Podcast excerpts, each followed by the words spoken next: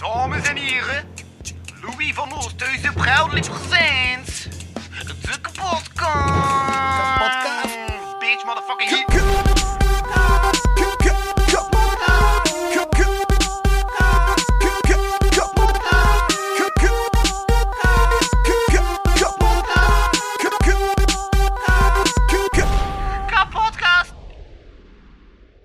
Dan zijn we begonnen.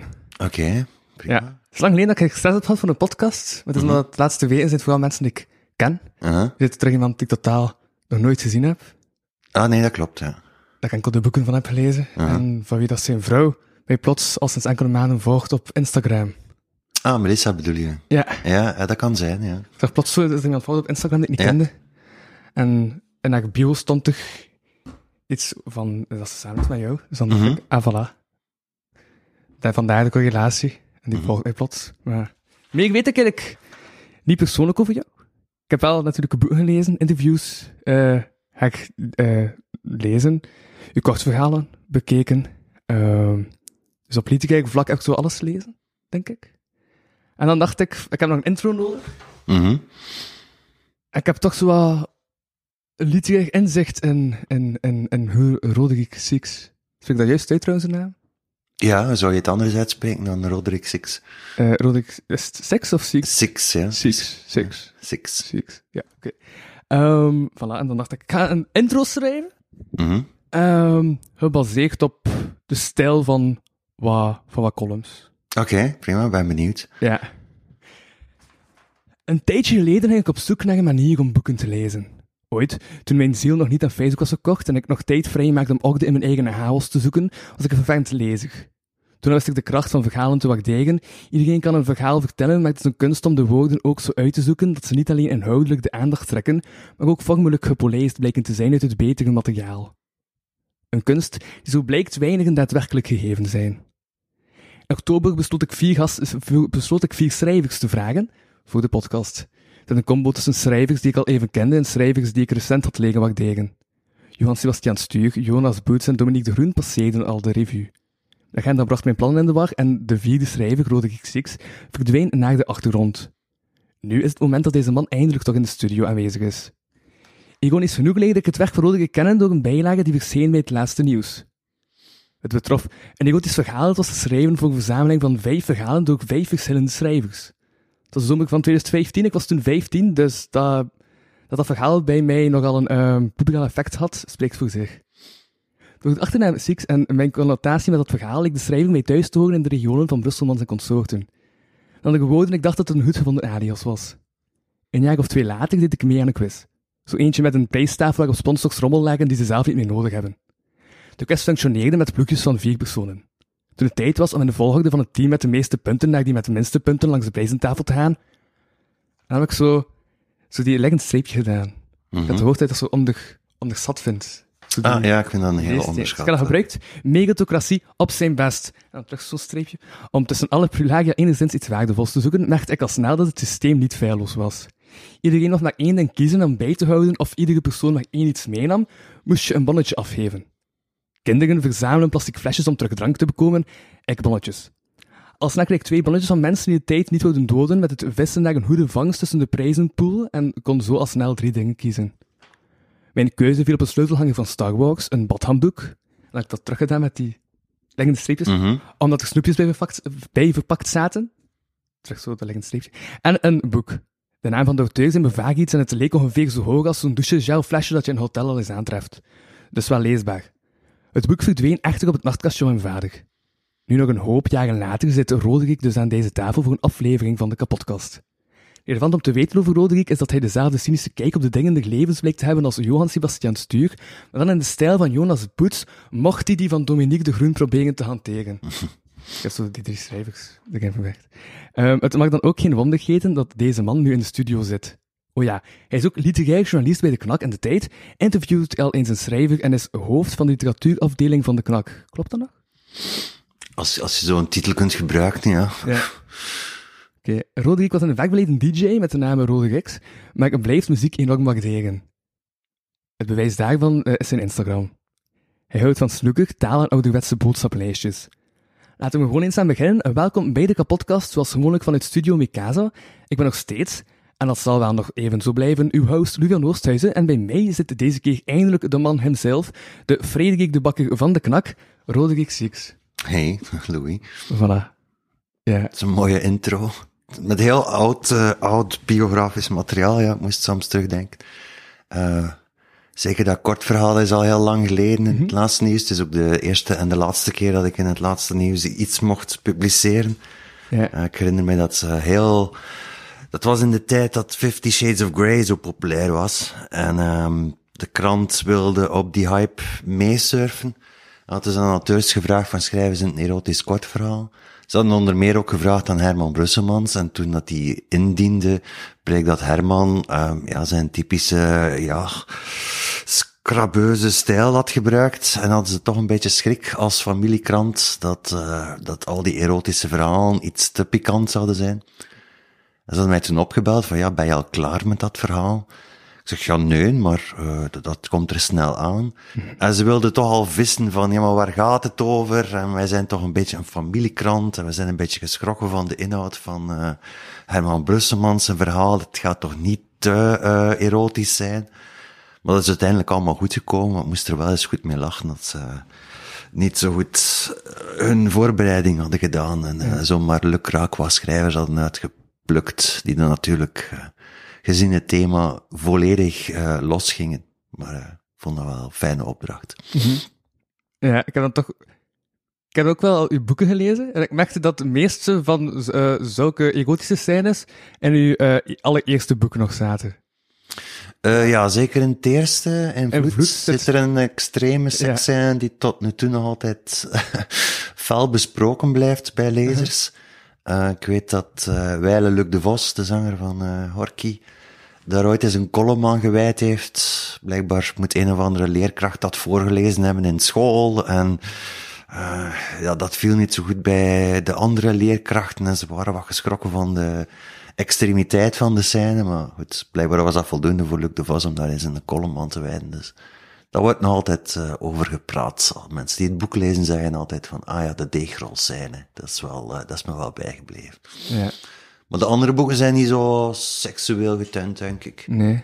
Uh, ze bevatten als het nodig is wel seks, maar niet noodzakelijk. Ja. Maar Vloed ging natuurlijk over vier jonge mensen die ja, samen op een appartement proberen een apocalyps te overleven. En met behulp van drugs en alcohol en natuurlijk ook seks. Ja, als je de laatste vier mensen op aarde bent, dan lijkt het maar vanzelfsprekend dat je ook nog eens goed van bil gaat voor het einde der tijden. Dus dat leek mij wel normaal.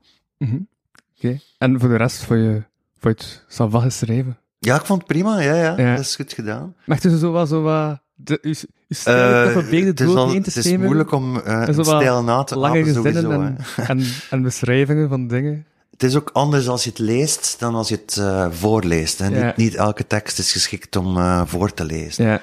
Dus ik heb ook wel rappen gelezen, merkte ik, omdat ik nerveus was. Uh, het is ook iets dat ik zelf al moeten leren hoor. Uh, toen ik vorig jaar bij Saint-Amour, of twee jaar geleden al, sorry, op Saint-Amour stond, dat is zo de grote tournee die er nu ook weer aankomt, mm -hmm. Um, heeft Luc Korowitz, de organisator, mij dat toch... Ver... zo naast... uh, de organisator heeft toen elk, uh, ja, elke deelnemer verplicht om een, een paar lessen te volgen bij een acteur, zodat je, dat je tekst kunt brengen op een podium. Het is niet omdat je tekst goed geschreven is, dat je ze ook nog eens kunt goed brengen op een podium. En ik heb daar veel aan gehad. Um, dat je mag leren pauzeren, dat je mag stiltes laten vallen, uh, dat je klemtonen legt. En in mijn geval was dat, werd ik opgeleid door Jeanne Bervoets, dus dat was ook nog een keer fijn om die mensen te ontmoeten. En is ondertussen ook een vriend geworden. Mm -hmm. Dus um, ja, podiumteksten is dan altijd iets anders dan uh, geschreven teksten. Ja. Maar dus, maar, doe niet zo heel veel dan op podia, of wel? Well, ik heb niet veel meer kunnen doen hè, sinds de lockdown, ja. maar ik doe dat wel heel graag. Ja. Um, zeker met Saint-Amour, dat is echt een tournee die langs theaterzalen gaat. Dat is ook heel bombastisch gebracht, met een lichtshow en geluid. En dat is picobello enorm. Dat is niet zomaar gelijk in een bibliotheek mm -hmm. gaan voorlezen voor de lokale bevolking. Dat is echt een professionele tournee en dan voel je wel hoeveel werk dat daar ook in kruipt. Ja, uh, Zijn dat veel optredens met die... Dat waren er een stuk of vijf, denk ik. Eh, dat begon in Genk en dat eindigde dan in Gent, denk ik. Ja. Tussendoor in Brussel, ehm, Antwerpen, Deinze, denk ik ook.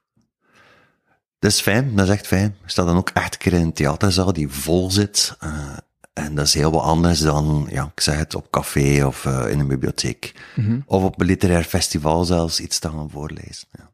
Ja. Maar ik doe dat heel graag, maar er komt er weinig van. Zij begon als literair journalist of als schrijver?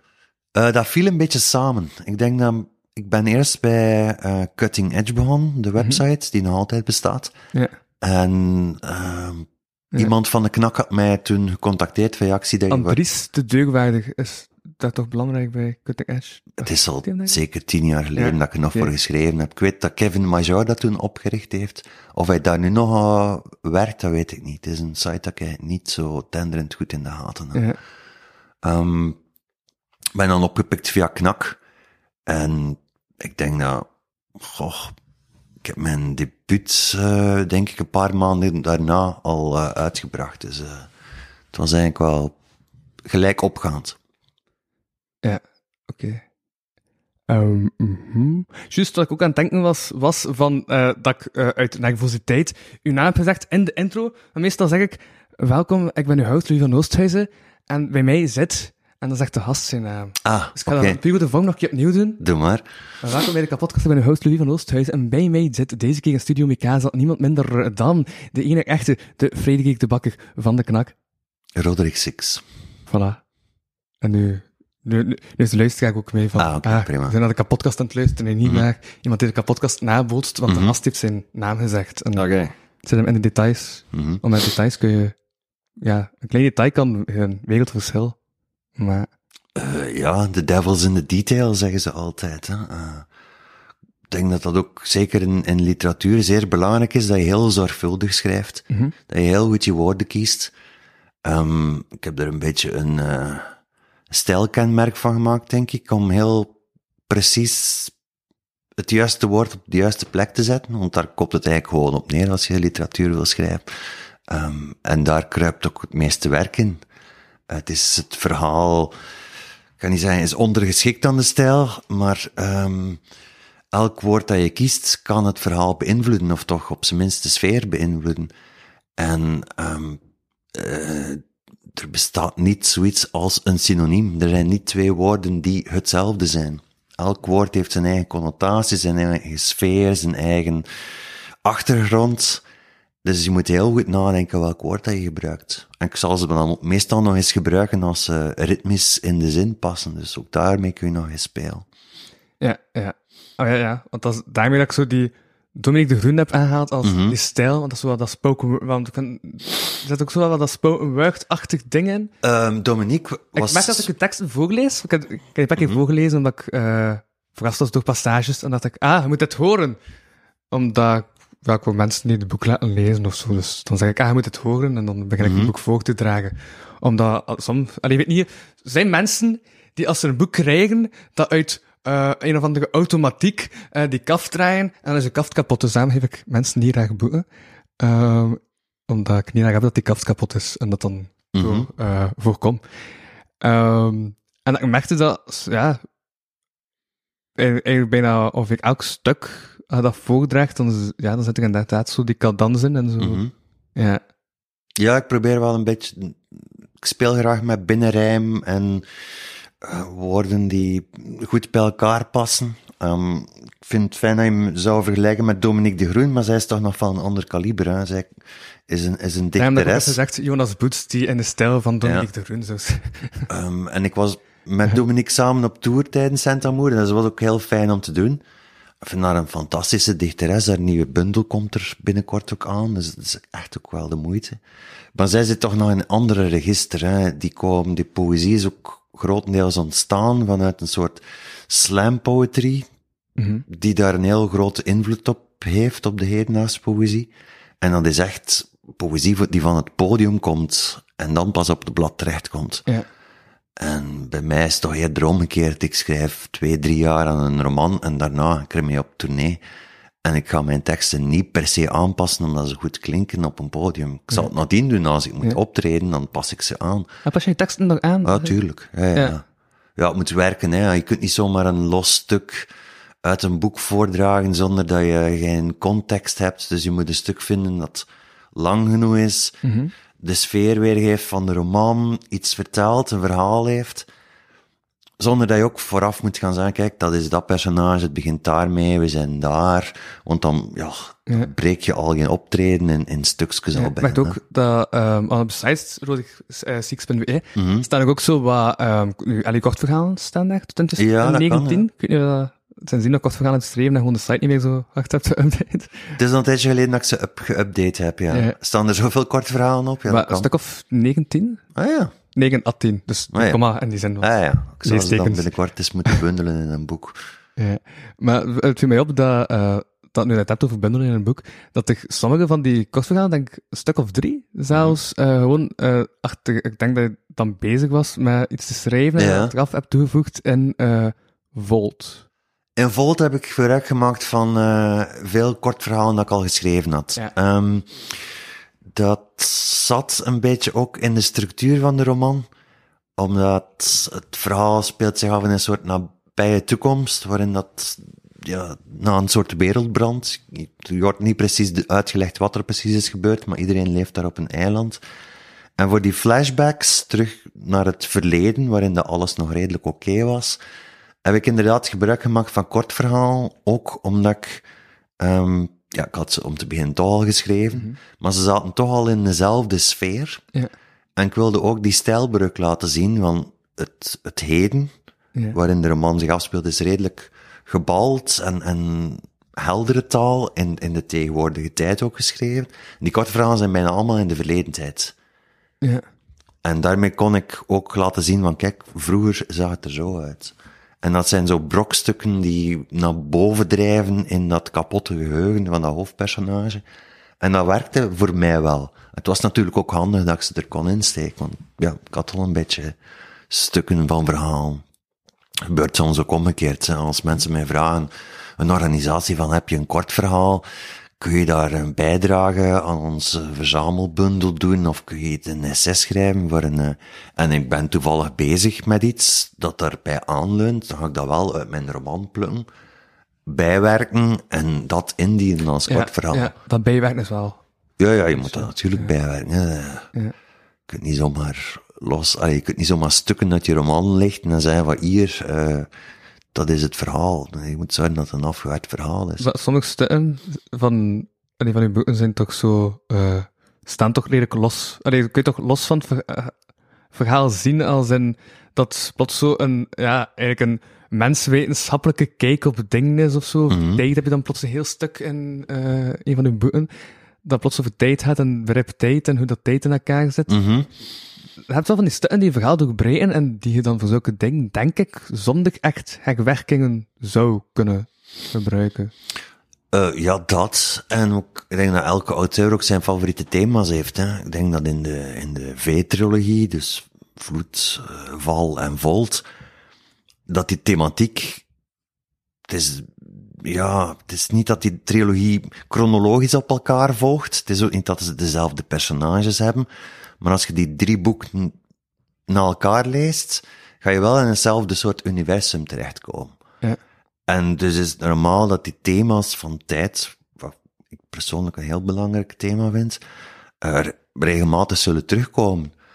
Ook omdat bijvoorbeeld, ehm wij hebben het idee dat tijd een heel rigide ding is, dat dat wetenschappelijk vast ligt hoe dat uw klok werkt, maar daar blijkt dus niks van aan. Eh, tijd is heel Ja. fluïde. ehm Ik heb een column de vraag van, of, of vond het interessant dat, want dat stond in die column met die atoomklokken, dat je, dat je zelf, eh, dat ze het is met de atoomklok verbonden, maar op zich is het eh, de middennoot van alle atoomklokken. Stond in een van uw kortverhalen. Ah, dat kan. Ja, ja, er wordt een, eh, iedereen denkt dat tijd gelijk loopt, maar dat is niet zo. Dus alle atoomklokken op aarde, op dat, dat ook met hoogte te maken. ja, heeft met hoogte te maken. Hoe verder dat je van de aarde komt, hoe trager dat de tijd loopt. Ja. Eh, dat heeft te maken met de zwaartekracht van de aarde. En een atoomklok op de maan zal trager lopen dan die op aarde, wat bizar is. maar blijkbaar heeft dat invloed op de tijd. Dat is, de, voor- ja, het is omdat ik vroeger als kind en nu nog altijd eigenlijk heel Met wetenschap bezig. veel ja, veel relativiteitstheorie en kwantummechanica. Mhm. Ik lees dat bij wijze van eh, ontspanning. Ik, ik heb geen wetenschappelijke opleiding of achtergrond. Ik snap ook helft van de boeken niet, want die zijn redelijk wiskundig. Ehm, maar de, de filosofie die eruit komt, vind ik wel boeiend, omdat het over onze perceptie van realiteit gaat. Eh, en dat blijkt minder ehm, vaststaand te zijn dan, dan het in werkelijkheid is. Eigenlijk is alles redelijk uh, vloe en trillend en onderhevig aan allerlei natuurkrachten. En het idee dat wij hebben van, ja, de aarde is, is wel omlijnd, tijd, tijd loopt uh, altijd rechtdoor, daar klopt dus niks van. Het is gewoon door ons gebrek aan perceptievermogen dat wij niet het volledige plaatje zien. Ik vind dat boeiend, ook, ook om in romans te gebruiken. Omdat ik denk dat bijvoorbeeld in Vloedtal gebruiken ze bijvoorbeeld die drugs, ultra, en dan wordt heel hun tijdsbeeld verstoord. Krijg je plots uh, hallucinaties, um, flitsen uit het verleden die al dan niet echt gebeurd zijn of niet. Want dat is bijvoorbeeld ook een thema in mijn boeken, de betrouwbaarheid van herinneringen. Van, klopt -hmm. het wel wat dat we in ons verleden hebben meegemaakt? Opnieuw, wij denken dat dat vast ligt in onze geheugen, maar dat blijkt dus niet zo te zijn. Uw herinneringen zijn heel beïnvloedbaar door, door iedere keer als je zelfs je herinnering ophaalt, zal die helemaal anders ja. zijn. Ja. Eigenlijk, hoe, hoe meer je de herinnering hebt, terug uh, aan hebt gedacht, mm -hmm. hoe meer dat die eigenlijk afwijkt van wat het echt ja, gebeurd is. En dat is bijvoorbeeld het grote probleem bij getuigenisverklaringen en bij misdaden en ja. ook mensen die trauma's terug oprakelen uit hun verleden, dat dat soms tot... Is, dat niet, is dat niet contradictorisch? En dat als we van dat standpunt kijken, dat ze um, criminelen en zo, allee, in, in, in rechtszaken, vaak zo het verhaal meerdere keren laten doen, Mhm. want dan wijk je toch steeds meer af van wat er echt gebeurd is. Dat, Wel, ik heb de dat indruk is een dat- paradox, denk ik dan. Ehm, ik heb de indruk dat als je eh liegt, dan moet je ook telkens opnieuw het, hetzelfde verhaal vertalen. Als je de waarheid spreekt, dan is het niet zo moeilijk om ehm, het verhaal te vertellen, want het blijft altijd hetzelfde. Als je liegt, heb je iets verzonnen, dan moet je zorgen dat die verzinsels ook altijd hetzelfde blijven. Ja. En dat is blijkbaar het probleem bij getuigenisverklaring. Ehm, maar het is natuurlijk ook zo dat je bijvoorbeeld onder foltering of zelfs langdurige ondervraging alles zult toegeven. Hè. Dat, dat, Ja, zelfs heb je is- ja, zelfs dat heb je niet gedaan. En zelfs, na een tijd ga je zelfs geloven dat je het gedaan hebt. Hè. Dat, dat kan ook. Ehm, zo beïnvloedbaar is de menselijke geest dus. En ik ga daar zeker mee spelen in mijn romans. Ik vond dat Mhm. bijvoorbeeld inderdaad heel boeiend om in Vloed al te laten zien van niet alles wat dat geleest is betrouwbaar. Ja. Dat is bijvoorbeeld ook zo in Val. Ik denk dat na vier regels zegt hoofdpersonage al dat hij een leugenaar is. Dat is voor mij een heel duidelijke waarschuwing aan de lezer. Van, pas op, je hebt hier geen betrouwbare verteller. Maar het val is toch met die dokter, hè? Dat is met die arts, ja, die Ja, eh, ja. vanuit de stad naar in een klein dorpje Ja, terechtkomt. ja. Ik denk dat hij op de derde regel of de vierde regel al zegt van, ik ben, ik, ik lieg, ik zeg niet helemaal de waarheid. Ja, dan moet je een beetje argwanend zijn als lezer, hè, want niet alles wat hij zegt klopt. Mhm. En ik speel daar graag mee in romans, omdat dat, dat verontrust een beetje je lezersverwachting. Je mag niet altijd Zodat de lezer alert blijft ook. En, ja, en dat- alert. en En, ook op zijn. En ja. Ehm, ook omdat ik wil aantonen dat, dat er verschillende versies van de waarheid kunnen zijn. Mhm. En dat het afhangt van het perspectief en van de persoon die het vertelt. En dat je ja, een beetje argwanend mag zijn. Hè. Ja. Uh-huh. Daarom dat je ook nooit de volledige waarheid kan, kan vatten. Nee, ik denk dat dat bijvoorbeeld in, in Val, wat een beetje gepresenteerd wordt als een thriller, bijna een whodunit van hè, wie heeft er al die moorden op zijn geweten. Op het einde van dat boek denk ik niet dat je één dader kunt aanwijzen. Zijn er op zijn minst meer en dan nog is het twijfelachtig wie wat gedaan heeft. Ja, ja. En dat was voor sommige mensen die graag thrillers lezen en op de En ook heel laatste- dat verhaal met de eekhoorn en zo. ja, alles is raar in dat boek. Uh-huh. Ehm, ik weet dat heel veel, een van mijn besprekingen van Val kwam in een thrillergids terecht. Zo, een, een blad dat dus alleen maar thrillers bespreekt. En die, die recensent was helemaal in de war. En die zei van, ik snap hier niks van. Dat is hier precies David Lynch. eh, wat, dat hoort helemaal niet thuis in het thrillergenre. Maar het heeft wel het format van een thrillergenre. Dus ja, je, je hebt een... Welk genre is- vind je, voel je jezelf gevangen binnen een genre? Denk dan in ieder geval niet dat hij Ah, zo- nee, dat je genre... Hij hebt niet echt een genre. of Ik speel er heel graag Ja. mee. Ik vond dat heel leuk om te doen. Zo van, ah ja, een thriller, ik lees dat ook wel eens graag. Wat dat mij stoort, is dat je na drie kwart boek meestal wel door hebt hoe dat in elkaar zit. Mhm.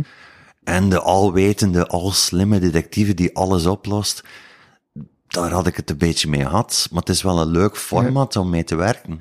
Ja, ik zie, een, eh, ik zie nu een gelijkenis met, met eh, stand-up comedy. Aangezien dat Ah, ja. in stand-up comedy eh begin je met de aanloop, Mhm. dan eh, heb je je mop. En meestal blijft het eh, bij die mop. Maar als dan kijk naar echt goede comedians, Mhm. dan heb je daar nog die extra draai bij. En dat is wat je bedoelt van, ah, ik denk van, ah, nu, nu, we eigenlijk gehad waar, welke richting dat uitgaat. En dan, ah nee, plot twist, het is toch nog niet wat je dacht. Maar ja, je moet, denk ik, ook in stand-up comedy een beetje spelen met de verwachting van, van het publiek. En het wordt pas heel interessant als je inderdaad, zoals jij zegt, je mop brengt, maar ze er dan nog eens een laag aan toevoegt of een soort metaversie van maakt. Ja, Ehm, dan pas wordt het interessant en dat kan tot in het absurde worden. Hè. Ik denk dat, dat Wim Helsen daar een mooi voorbeeld van is. Van iemand die iets doodgewoon doortrekt tot een heel absurd universum, ja. totdat je niet meer weet of dat je moet lachen of huilen Ja. of medelijden hebben met die ja, man. ja, Bas Becker beschreef dat ooit als, je hebt eigenlijk, eigenlijk allee, puur als basis, twee soorten comedians. Mhm. Je hebt comedians die, die de vreemde zijn in een normale wereld. Je hebt die die de, de normale zijn in een vreemde wereld. Mhm. Ja. Ja, humor bestaat daar juist uit. Hè. Het, zo, de dingen die net afwijken van het normale, oftewel uit te vergroten of te minimaliseren en het normale belachelijk te maken. ja. Dus een van beide werkt altijd. Uh-huh. Dat ik mij daarnet nog afvroeg, maar ik hoorde niet onderbreken, omdat je mij iets aan de stand aan het vertellen was. Maar toen het over tijd had, ehm, ik, dus er was een column in 2015, denk ik, dan stond dat je toen nog altijd het, eh, lang bezig eh, van plan was om een horloge te kopen. Ja. heb je ondertussen al een horloge? Nee, ik heb nog altijd geen horloge gekocht. Heb je dat ooit geschreven? Ja, dat kan. Eh, ja, ik heb daar zo'n een beetje een fascinatie voor. Als ik zo langs een juwelier passeer, eh, ga ik altijd naar een Rolex of een Philippe Patek kijken. Ehm, maar, goh, ik denk dat dat zo'n eh, wensdroom is dat ik beter gewoon hou. Maar ik zou niet weten welk horloge dat ik zou moeten kiezen, want er zijn er zoveel heel mooie horloges.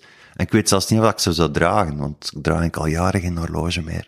Je hebt het ook niet nodig, want de tijd wordt overal aangeduid. Eh, het zij op je gsm, of stationsklokken, of parkeermeters. Of apotheker? Apothekers kunnen bijna niet meer ontsnappen aan de tijd. Het is zelfs beter dat je af en toe vergeet dat er zoiets bestaat als tijd, want mensen zijn al haast genoeg. Eh, maar ik vind dat een mooi, iets wat ouderwets eh, ornament. Het is ook een van de weinige modedingen die redelijk op mannen gericht zijn. Ja. Eigenlijk heb je het totaal niet nodig. Het is een belachelijk duur. ins- eh, als je een, Rolex wil, dan zijn je al makkelijk een, een jaarloon kwijt. Waarom heb je dat nodig? Niet, dat is gewoon... Het heeft ook iets met, met trots en... eh, maar ik vind het heel mooi dat daar zo'n heel klein raderwerkje in zit die zijn uiterste best doet om de tijd eh, bij te houden. Nou, een mooi ding, maar ik zou eerst nog wel een paar andere dingen kopen voordat mijn geld zou en- spenderen aan een Klopt, horloge. want er stond dat, eh, in die col- maar ja, ik ga ervan uit dat alles wat hij schrijft, eh allee, in columns, klopt. Ja. en in boeken hopelijk niet. Maar, ehm oh wel waarschijnlijk. Hij moet er toch ergens vandaan halen. Is dat dan niet gebaseerd op dingen dat hij heeft gehoord of zo? Ik weet niet over wat dat je precies had in de column, maar je Maar vermoed... in elk geval in de column, ja, maar ik, Ja? ik, had, ik had zelf al drie bruggen aan het nemen in mijn eigen Uh-huh. plek. maar eh, het punt dat ik oorspronkelijk wou maken was... eh ja, nu ben ik terug aan iets totaal aan het denken, Uh-huh. maar daar in mijn hoofd zit... Misschien is het zo'n goed idee om de afgelopen 24 uur gewoon te kijken wat hij allemaal geschreven had, en nu zit mijn hoofd vol met informatie die ik gelijk... eh ja. Maar, wat was ik aan het zeggen? Tijd. eh ah ja, ja, dat, een horloge dat, dat, dat, dat de batterij blijft werken op eh uw polsbeweging. Ja, dat is standaard bijna, hè. Ja, Eh, dat is een van de leuke mechanieken dat ze uitgevonden hebben. Dat je, door je hoeft niks te doen, je hoeft er niet meer op te winnen. Hè. Mhm. Ja, dat is een, eigenlijk niet zo moeilijk, technisch gezien, om dat te doen, maar het is wel knap dat ze dat in een heel klein doosje krijgen. En dat ze er ook maar überhaupt aan denken, van in plaats van een batterij of elke dag op te winnen, gaan we dat met polsbeweging doen. Maar hoe komt het dan dat dat uiteindelijk toch plat raakt? Dat zou niet mogen plat raken, tenzij dat je hem laat liggen hè, en niet meer mee beweegt. Als je hem s'nachts afdoet, bijvoorbeeld. Eh, En als ze dan terug met je pols beweegt, dan is het al te laat, dus dan gaat hij niet meer... Nee, ik denk dat er een soort veertje opgewonden wordt aan de binnenkant, die, die spanning creëert en dan dat raderwerkje aanduwt. Hè. Ja. En zolang dat, dat, die, dat die veer spanning heeft, is dat geen probleem. Maar hoe dat ze dat precies doen, dat weet ik niet. Dat zou ik in Zwitserland moeten gaan bekijken bij een eh, juwelier. Mhm. Maar eh, ja, dat is gelijk een, eh, een schone vulpen of zo. Hè. Dat is het. Ja, dat is een stukje. Ik ga niet zeggen ouderwets, want je kunt met, met alles schrijven. Dat is het grote voordeel van, van schrijver zijn, is dat je geen dure hobby hebt. Hè. Papier en potlood is eigenlijk voldoende.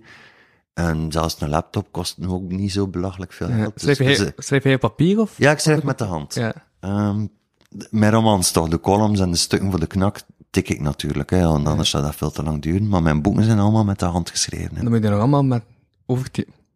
Eh, ja, Is dat dan niet, is dat dan niet dubbel weg? nee, want dat is al een eerste redactieronde. Ja. Ehm, ik schrijf met de hand, ten eerste omdat ik dat leuk vind. En Ja. ook omdat dat een scheidingslijn is tussen eh, wat ik doe met de knak en op die computer zitten en snel en correcte informatie zo goed mogelijk doorgeven. Ik zit al bijna heel de dag op de computer. Mhm. Ik vind het heel rustgevend om met papier en eh, pen bezig te zijn. Eh, dat is traag, maar dat heeft ook het voordeel dat je iets meer nadenkt over je zin. Want het is ook fysiek lastig om te doen. Ehm, en dat is een heel procedé. Meestal begint dat met klad. En één keer als ik dat heb, schrijf je dat over in het net, in een mooi schrift. En dat is al een redelijk, redelijk goede versie. En dan bijvoorbeeld als het tijd komt om eens met je redacteur te gaan praten of je boek uh, te publiceren, dan tik ik dat helemaal over. En dan al er al heel veel fouten uit, want het gebeurt dikwijls dat je twee keer hetzelfde woord gebruikt op, op anderhalve pagina, maar je weet het niet meer omdat je met de hand aan het schrijven bent. -hmm. Um, herhalingen, uh, fouten dat je eruit haalt. Maar ik moet zeggen, het handschrift, manuscript is meestal, komt redelijk goed overeen met de roman. Ja. Ah ja, ja, ja. Maar dus een column schrijf je wel direct op de computer? Ja, natuurlijk. Ja, ja. ah, oké, okay, ja. Waarschijnlijk daarom dat er in een column twee keer hetzelfde... Ja, dat zou, ja, ja. Een column, ja, dat moet soms snel gebeuren, hè. Als ik column schrijf voor de standaard bijvoorbeeld, je moet er elke dag één leveren. Uh, ja, dan heb je geen, geen uren de tijd om na te denken over je column, hè. Je moet zorgen dat het snel en goed gebeurt. Komt die ideeën altijd zo rap?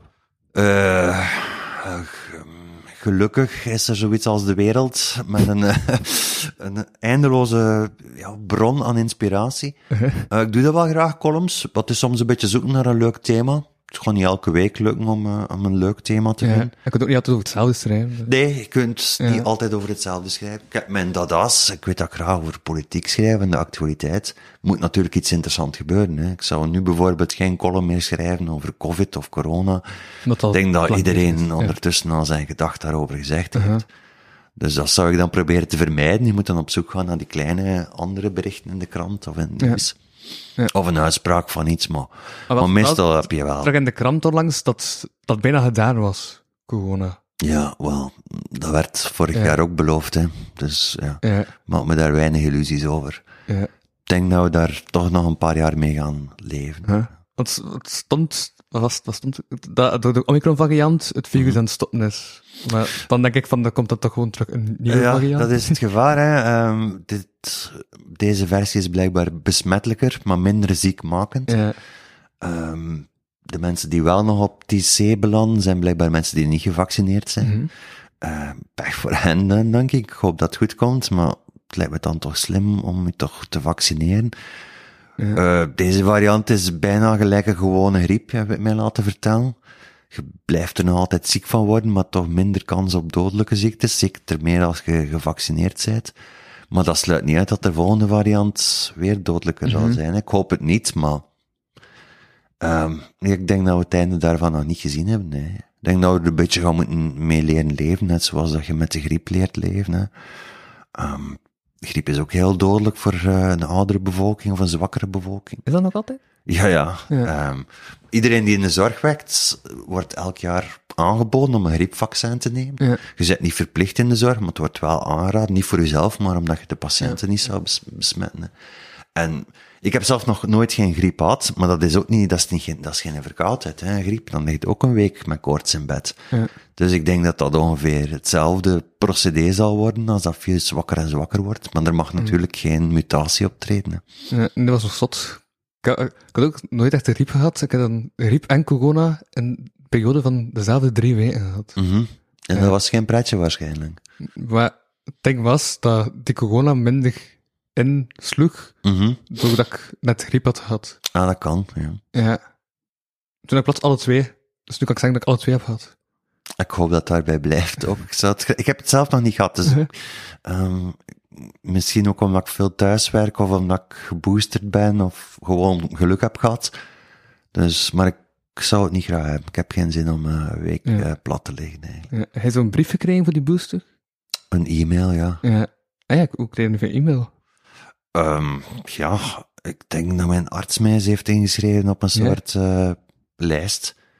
De e-mail is sneller dan de post. Ik had mijn booster al toen ik de brief kreeg van, je mocht je booster gaan Ah, halen. ja, ja. Dus, eh, ja. Ze- Zeelt de post nu echt zoveel? Nee. Of wel? eh, ja, eh, ik weet niet hoe lang dat duurt om een mail te versturen. Ja, de post. eh. Ja. Ja, ja, ja, op die manier. Juist over de post gesproken. Ik had nog een, een ding dat ik moest zeggen, omdat ik had dus voor, zondag de nieuwjaarsspecial opgenomen van de kapotcast. Mhm. En ehm, Wesley moest mijn cadeau niet hebben. met name heuvelfrissers van Charles de Riche. En ik ging zeggen, in de podcast eh staat dat er eh, van homo's en van hominnen zijn. Dat is dat de luisteraar heet. Die heuvelfrissers willen van Charles de Riche plus een hoop stickers van de kapotcast. Stuur een mail naar... Dan heb ik nog geen mailadres bedacht. Ik kan eigenlijk alles voor kapotkast.be zetten. Mhm. Maar ik gebruik graag zo een nieuwe. Omdat ik Gatchal heb. Dat is zo, dat je zo alles kunt toevoegen. Naar heuvelfressers.kapotkast.be Voilà. Met deze heb ik dat ook vermeld.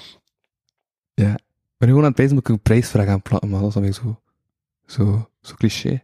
Ik, wil, nou, ik heb thuis nog wel een stapel monsters liggen, dus als er iemand een wil, dan moet ze maar een mailtje sturen naar jou. En dan moet jij maar iemand selecteren die de beste mail heeft gestuurd, of de eerste, of de mooiste, of de langste.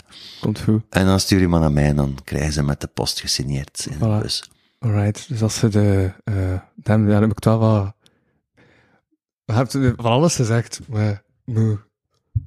Ik ga toch drie lech- rechtlijnen geven of zo. Mhm. Dat is, dat is belangrijk. Drie recht, rechtlijnen. Eh heb ik er mee nadenken, man? En wat weet je, dat er een soort wedstrijdelement aan was? Ah, voor die, goh. Deze moet gewoon een mooie mail schrijven over waarom dat ze mijn laatste boek willen hebben. Dan mag jij kiezen wat dat de beste reden is om een boek Ja. gratis te krijgen. Ik heb Ja. natuurlijk veel liever dat ze het kopen, maar eentje wil ik wel eh, weggeven. Perfect. Top. Ehm voilà. Dus, stuur... Ik ga wel een, eh, een, een, een, een, een einddatum. Nou ja, ja, nee, ik kan geen jaar. Wat hoe is dit nu? Dit, dit komt volgende dinsdag online. Volgende dinsdag zijn we al 1 januari. Dus pakt 15 februari. En wel, kijk, juist voor Valentijn. Je kunt dan uw, Dat is na uw lief Valentijn. desnoods... Dus pakt. Ah, ja. Eh, ja, wel voor 13 februari dan, hè. Voilà, pak 18 februari. En dan, maar dat gaat nog te laat zijn. Nee. hè. Het enige dat pak gaat 8 februari. 8 februari, ja. Voilà. En dan zal ik zorgen dat het voor 14 februari bij u in de bus ligt. En dan kun je dat aan uw lief geven of, eh ja, dat is makkelijk Valentijnscadeau. Top. Dus stuur een mail naar... eh ja, wat was het? Heuvelfrissers.kapotkast.be Yes. En dan kan je zowel heuvelfrissers als een, een editie van eh, een, een op, ja, ja, editie, een ja, een exemplaar. van, Dat was het woord dat ik zocht. en je van moet maar erbij zo. zetten wat erin En- ingeschreven moet worden voor uw geliefde en ik zal er wel Voilà. iets romantisch bij zetten. Top. Ideaal. Eh voilà. Dat was een geluidje dat zo wat prijsvraagachtig is. Ah, ook goed. Ja, er zijn luidjes in. Yes. Ik heb vier geluidjes. Vier. Ja, Ja. Zot, hè? ja ça va. ik zou er meer verwachten. Maar nee, dit is, dit is ABCD. Is, eh, Kunt u dan zo, programmeren waarschijnlijk. Ja. Dat zit niet standaard. Maar er zitten ook wel prefa- eh, p- prefab geluiden in. En er zitten zelfs meerdere prefab geluiden in. Dus zelfs met de prefab geluiden kun je zelf nog eh wisselen. Er zitten een stuk of twaalf Hm. prefab geluiden in. En je hebt maar vier eh, toetsen op het soundboard. Dus voilà. Zelf, zelf, eh, hoe noem je dat? Het bedrijf had zoiets van, ah, wissel uw geluidjes. Het bedrijf. Het bedrijf van die Zoom. Ah, oké, ja. Waar, waar, waar, welk bedrijf anders? Ah, ik weet niet eh, wie daar commentaar op zou hebben, maar het- Ja. ik was niet helemaal mee.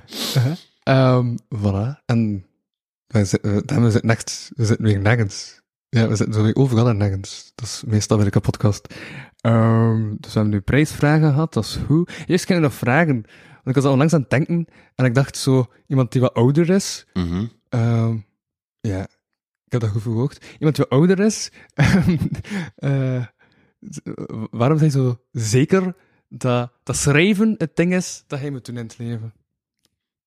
Ja, och, dat is een goede vraag. Dat is iets wat ik al altijd heb willen doen. Ehm, Ik denk dat ik hm, sinds mijn 12, 14 jaar ehm, heel graag schreef, verhaaltjes schreef, eh, voor de schoolkrant werkte. Ik vond dat heel fijn om te doen. Ik wist alleen niet dat er zoiets bestond als ehm, schrijver zijn. Dat is niet iets wat dat u allee, aangereikt wordt in school. Ja, je krijgt wel boeken, maar ik had er eigenlijk nooit bij stilgestaan dat dat, dat effectief een job kan zijn. Ehm, ik denk dat het is Bart Moejaert die me daarop gewezen heeft. Eh, de jeugdschrijver die kwam eens langs. Je echt Bart Moejaert. eh, ja, bekend van? een bekende Brugse uh, Kusme is een van zijn eh, bekendste boeken. Eh, die al heel jong, op een heel jonge leeftijd gedebuteerd is en, en ondertussen internationale bekendheid ja, heeft. ja, ja, ja. En ik kwam eens een lezing geven op school op een woensdagnamiddag. En die man vertelde over ja, schrijven en boeken uitgeven. Hij doet dat zo. En heel zijn levensverhaal een beetje. En dat was zo direct van, ah ja, oké, ik wil dat ook doen. Maar de vraag is, ehm, hoe doe je dat? En daar bestaan niet echt studies voor. Ehm, je kunt journalistiek gaan doen, je kunt letteren- en wijsbeheer te doen. Maar dan nog word je daar geen professioneel schrijver mee. ja. En dat is een beetje zoeken. Professioneel schrijver, is dat vanaf dat je een boek hebt uitgebracht, of is dat vanaf dat je zo Mm, ja. dagen een column hebt gedaan? Wanneer ben je schrijver? Eh, ja, gewoon jouw definitie. Wat is, ik denk dat je schrijver sowieso, ongeacht of dat je publiceert of niet, ben je Professioneel schrijver. professioneel wil zijn, dat je ervan kunt leven. hè. Ehm, ik kan dat niet. Ik moet natuurlijk nog altijd columns schrijven en voor de knak werken. Ik doe dat ook heel graag. Dat is ook dus- schrijven, maar... Het is ook schrijven, maar het dat is- niet als professioneel schrijven. Oh, toch wel, maar het is een Ja. andere vorm. Hè. Dat is Ja. meer journalistiek. Ehm roman schrijven, het is heel moeilijk in Vlaanderen of in Nederland om daarvan te leven. Mhm. Ehm, de verkoop is niet zo denderend. Ja, en dan, dan stopt het ook. Hè. Je krijgt, kost dat, 15, 16 euro. Je krijgt daar 10% van. Eh, dat is Dus per boek 16,99 euro. Ah, kijk, ik 17 heb, eh, euro. dus- Ah, wel, ik ga daar ik heb ongeveer aan eh, 1,8 euro van krijgen per verkocht boek.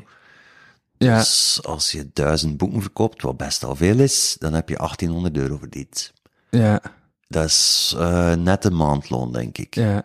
Maar goed, En zoveel boeken verkoop je niet per nee, maand. absoluut niet. Eh, ik, koop wel, ik verkoop wel een paar duizend exemplaren, Ja. maar nooit meer dan, dan Ja. Heb 5000 je ook al exemplaren. vijf boeken? Dus, Ja, dat tikt dan aan, maar want, ja, ah, die vorige vier worden ook al nog verkocht. die worden nog verkocht, maar niet meer in dezelfde, alleen niet meer aan dezelfde snelheid als, Ja. als Monster. Hè. Eh, Als er iets nieuws uitkomt, het eerste jaar gaat dat goed verkopen, maar dan de jaren erop zakt dat weg. Ja, hè. je hebt wel elke week nog een...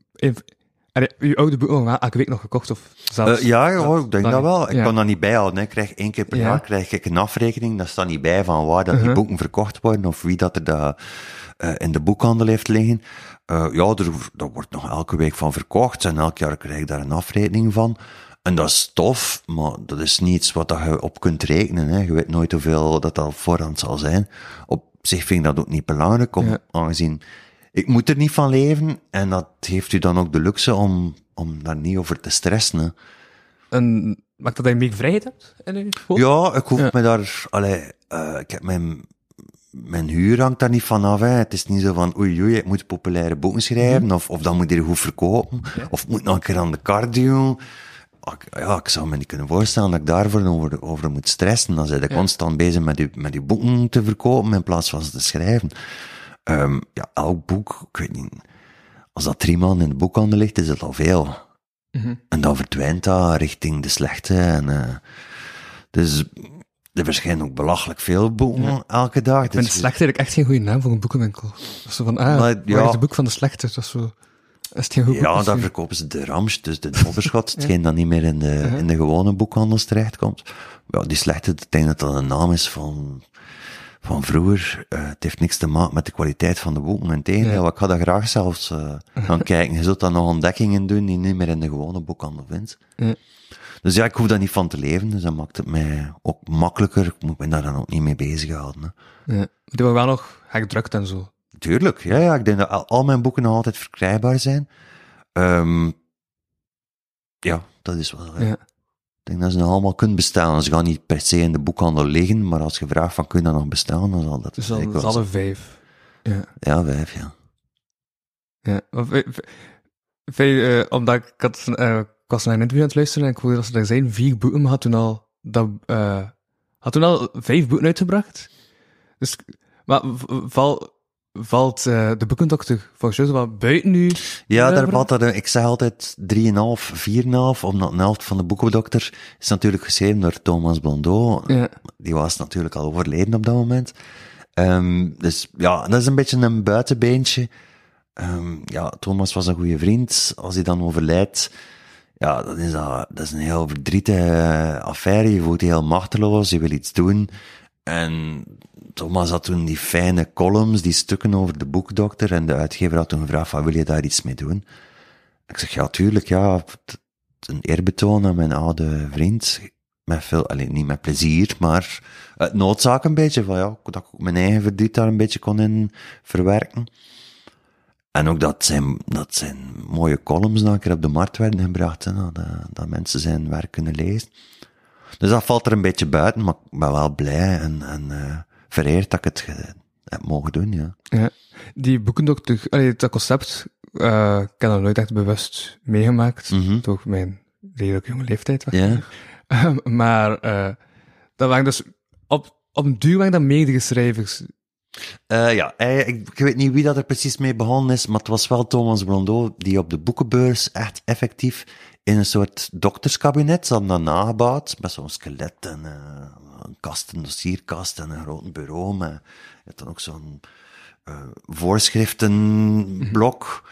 En ehm, mensen kwamen at random gewoon voor hem zitten en zeiden van, ehm, ik heb liefdesverdriet, of eh, mijn hond is dood, of ehm, ik weet niet of dat ik van job moet veranderen. En ze stelden hem een vraag en hij moest dan on the spot een boek aan, eh, aanbevelen van dat, dat boek zal u helpen. Dat is niet gemakkelijk om te doen, Ja. want je moet al heel goed in je hoofd zitten hebben van oeh, welk boek past er bij die persoon. Uh-huh. En hij schreef er dan ook stukjes voor, voor Cobra, denk ik. Dat was de voorloper van de Canvas-website. En ehm die stukjes heb ik gebundeld. Ik heb ze niet er allemaal in gekregen, want het waren er best wel veel. Ehm, en ik heb daar nog een verhaal rondgeschreven, maar dat was wel... Maar hij, hij is daarmee begonnen. En deed het ook echt live op de boekenbeurs. Dus dat was wel... Ik heb het zelf nooit gedaan. Ik denk dat Sascha de Koster dat ook heeft gedaan. Ja. Het waren nog een aantal mensen, hè. Iedereen die ja, trok dan de witte jas aan en was dan de boekendokter. Maar het is niet simpel om te doen. Ik zou het zelf moeilijk gevonden om zo in 1, 2, 3 het perfecte boek aan te raden voor iemand die met een bepaald Dus was dat dan ook dat je tegenhield om, om, om het niet zelf te doen? Of? Eh, het is mij nooit gevraagd geweest. Ja. Ik zou het ook niet willen doen. Nu, nu ben ik blij dat dat gedaan is, want dat Ja. was toch echt iets van Thomas Blondeau. Om dat dan te doen met iemand die, allee, dat was zijn ding, Ja. om dat dan een beetje na te apen. Stel dat, die, allee, stel dat we een stuk of acht jaar geleden waren en Mhm. dat u gevraagd zou zijn geweest. Oh, moest Thomas nog geleefd hebben en moest, kon dat doen in een soort wisselwerking? Ja, dat, oh, prima, ja. Dat was niet, het was geen uitvinding van iemand, hè. het is een redelijk simpel idee. Dat, eh, hij deed dat graag en goed, dus... eh. Op zich was het wel allee, een uitvinding van... wa- Wacht, wo- wordt er nog ergens anders gedaan? Denk ik. Ik denk dat dat nu niet meer gedaan wordt, ja, want waar, oh, nee. Nee, ik heb het eigenlijk niet meer teruggezien. Een paar jaar geleden nog eens, maar dat is dan een beetje weggedemsterd. Ja. Moet ook iemand vinden die het wil doen, hè. En er moet een boekenbeurs zijn, want die is natuurlijk ook afgeschaft. Ja, ja. Maar ik was zo eerder aan het denken van internationaal wordt dan in het buitenland niet... Oh, dat weet je niet. geen- Oh, dat, Ja. oh. Nee, geen flauw idee van. Ja. Uh-huh. Maar op zich, als je in een boekenwinkel stapt en je vraagt dan de verkoper van de boeken van, dat is het probleem. Het is hetzelfde idee, ja. Zou je wel iets kunnen naraden voor ons sterk? Ja, als hij tijd heeft en zin, ja. Eh, in principe, ja, als je naar een goede boekhandel gaat, gaat een goede boekhandelaar het juiste boek aanraden voor jou. Ja. Weet een goede boekhandelaar eigenlijk al de boeken die hij verkoopt? Nee. Dat zou wel, ja. Ja? Mijn vriendin werkt in een boekhandel, zij kan toch wel blindelings eh zeggen van dat, eh, dat staat in de kast, dat staat er niet in, ze. Ja. Eh, ja, je hebt ze allemaal in je handen hè. je hebt ze allemaal in de kast gehad. Eh, het is ook je taak. Dus als mensen vragen, heb je nog de nieuwe Jeroen Olieslagers? Ja, dan, dan moet je naar die kast kunnen lopen en zeggen, ja, dus dat lijkt me nou normaal, ja. Dat is gelijk dat je een beenhouwer eh, zou vragen, wat, heb je nog eh, hesp? En dat hij zou zeggen, ik weet niet, dat zou je toch ook raar vinden. Ja, maar Dus, dat is dan wel minder soorten hespen dan... ik eh, verschiet ervan hoeveel vlees er bestaat. Ehm, ja. Nee, ja, dat is normaal. Ik heb zelf ook nog in een boekhandel gewerkt, dus je hebt dat in je handen gehad, je hebt daar een, een visueel geheugen. Allee, het is, het is ook geen weinig job om te onthouden wat dat er in de winkel staat. Ja. Oké, maar dan, dan weet je gewoon de titel en de auteur. Het is niet dat je weet, ah, dat, dat, dat gaat daarover. Je hebt ze niet noodzakelijk allemaal gelezen, hè. Maar als ik mijn vriendin zo eh, bekijk, wat dat zij allemaal leest, eh, je kunt ze niet allemaal gelezen hebben, maar dat is ook niet per se nodig. Je kunt een auteur kennen zonder zijn eh, eh, werk te kennen. Hè. Je gaat heel snel door wat dat mensen graag lezen als ze op zoek gaan naar, naar een liefdesverhaal, of een avonturenroman of een spannend verhaal. Dan weet je wel van, ah ja, die auteur schrijft meestal in dat genre, of ja, dat is iets voor die persoon. De truc is om te vragen, wat vonden, wat vonden de, het laatste boek dat je graag gelezen hebt? Noem er een keer een paar. Ah, dat ik graag lezen, ik lees graag Isabel Allende. Ja, dan weet je ongeveer van, in die richting mag ik gaan zoeken bij de nieuwe boeken. En meestal komt dat goed uit, ja. Oké. Ik zou dan denken, ehm je eerste boek heb je dan geschreven op welke leeftijd was dat? Ik denk dat eh, dit jaar nu bijna tien jaar geleden zal zijn, dus uh, 1,32, zoiets. Ja. Oké. Ja, omdat ik gewoon aan het denken was van, ik ben nu 22. Mhm. Dat ik binnen 10 jaar een boek schrijf, dat ik ongeveer uw leeftijd. Ja, je hoeft geen tien jaar te wachten. Hè. Als je dat nu wil doen, dan moet je, dat, dan moet je daaraan Maar- beginnen. Maar het ding is, ik, maar ik raak echt... eh ik ben nu zo bezig met kortere dingen te schrijven, zoals Wuigt en eh rapnummers ben ik ook aan het schrijven. Mhm. Ehm, ik heb nu al zoiets na, na, allee, bij rapnummer na 52 bars, eh, dat ik zit van, ah, dat is, dat is, dat is lang genoeg. Dat moet niet langer worden, eh, omdat, is dat dan niet te lang, is dat dan, begint het dan niet saai te worden? Ik heb absoluut het gevoel van, ah, het begint saai te worden. Ehm, ja, dat is de hele uitdaging aan een roman schrijven. Hè. Je moet Ja. het voor jezelf boeiend genoeg houden. Want je moet rekenen dat je daar toch twee à drie, misschien zelfs vier jaar mee gaat bezig zijn. Mhm. Dus als jij het al niet boeiend vindt om elke dag aan je bureau aan dat verhaal te werken, dan moet je ook niet verwachten dat de lezer het interessant zal vinden. Ja. Maar het is eerder van, ik vind het wel boeiend, maar dan denk ik van, ah, gaat de lezer het wel Omdat, boeiend ja, is dat, als jij, of zijn dan te, met te veel Ja. externe dingen bezig? je moet niet bezig zijn met wat de le- Ja, lezer op dat moment eh, denkt. Hè. Je moet eh, je verhaal schrijven omdat jij het moet schrijven. Ongeacht of dat er iemand dat zal lezen of niet. Ehm, ja, dat komt met veel vallen en opstaan en oefenen. En ja, het is misschien beter dat je met korte verhalen begint, alhoewel dat daar niet gemakkelijker is dan een roman schrijven. Ja. Ehm, dat is een beetje métier, hè. En aan tijd, ja, ik doe dat nu al Ja. 15 jaar. Uh-huh. Ik weet wel ongeveer dat ik een kort verhaal kan schrijven. Dat kan. Ehm, maar een roman schrijven is toch iedere keer een hele uitdaging. Dat is Ja. iedere keer eh, van nul beginnen. Je hebt niks. En dan moet je personages bedenken en een wereld bedenken en een plot en een verhaal, een structuur, een stijl vinden. Ja. Dat is boeiend genoeg is, waarvan dat jij zegt, ah, maar ik ga me daar de komende vier jaar mee bezighouden. Want jij moet het doen, hè. Jij. Ja. moet naar die bureau gaan, hè. Wereld, eh, de, eh, de wereld die hij voor een boek dan creëert, heb je die al zelf al diep uitgewerkt? Weet, je, eh, Nee. ja. Nee, het is niet zo dat ik... Je hebt auteurs die heel veel research Ja, doen. maar ja, ik heb al langs, eh, had ik een podcast met Bart van Heij, een maand geleden.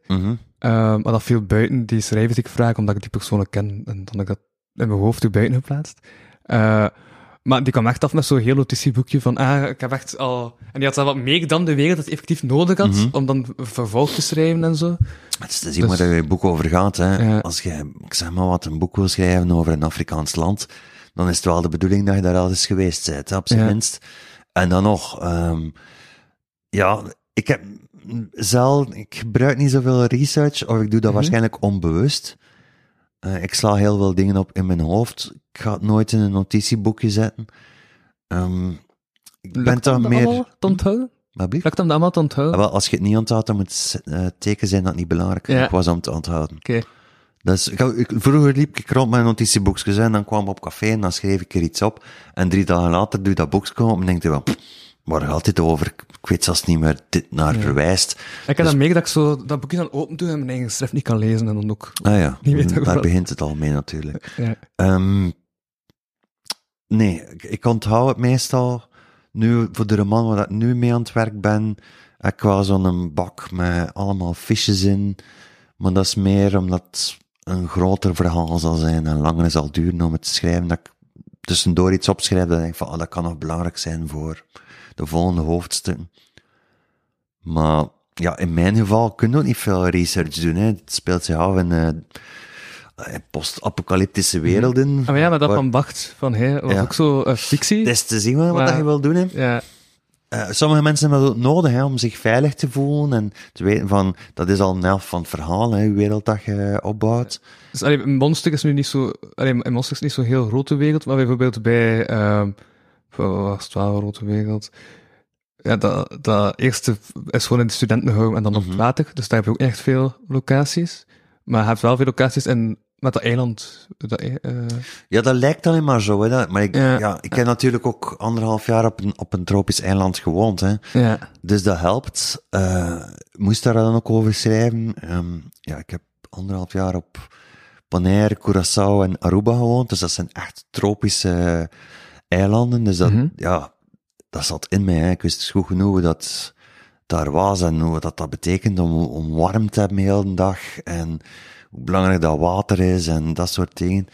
Eh, ja, dat is daar duidelijk op geïnspireerd. Ja. Maar het is geen roman over Aruba of, of eh, Bonaire. Nee, het speelt zich af op, op een denkbeeldig eiland die een beetje een samensmelting is van die drie ja. eilanden. We moeten wel weten, als hij naar daar gaat, passeert hij daar en daar. Moet je dat weten? Ik moet dat weten. En ik moet zorgen dat jij het Ah, ja, ja. gelooft. Daarom eh, je moet dat weten, was als tegen de schrijver, Je moet dat niet. ik ziek ik dat je wil dat, goh, het er mensen niet, het auteurs die dat tot op de meter willen weten van, ah, die straat, eh, je slaat in en dan moet dan, dat duurt dat zo lang om naar daar te rijden. Ja, voor mij hoeft dat niet per se. Ja. Ik moet zorgen dat jij het gelooft. Mhm. En is het zo belangrijk dat die afstand klopt? Ga jij daarover struikelen als auteur? Van, oei, tja, het is toch een kilometer of drie, vier verder van hier naar Gent.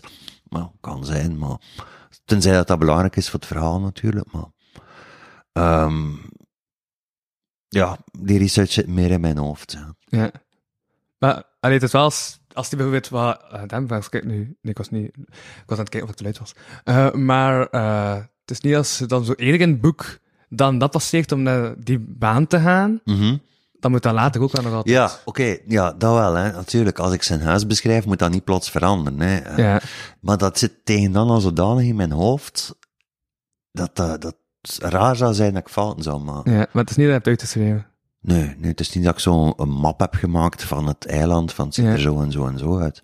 Nee, nee, door het feit dat je dat doet in je fantasie, dat is like al een kleine denkbeeldige reis, dan ligt dat dan ook wel vast in je hoofd. Want Je kunt geen, allee, dat soort fouten zou ik niet, je kunt het ook niet maken. Het zou niet kloppen in je eigen eh, fantasie en dan klopt het ook niet voor de lezer. Ja, maar vooral omdat je er vier jaar mee bezig bent, zoals hij zelf Mhm. zegt. Als je op het einde nog plots terugkeert naar een locatie dat je bij het begin Dan kun je ook terugbladeren in uw, Ja. in manuscript. Hè. Het gebeurt soms zo dat ik moet terugkijken. Ik heb gezien dat ik af en toe nog fouten maak. Hè. Eh, iemand heeft een blauwe trui aan en twee pagina's verder is het een zwarte trui.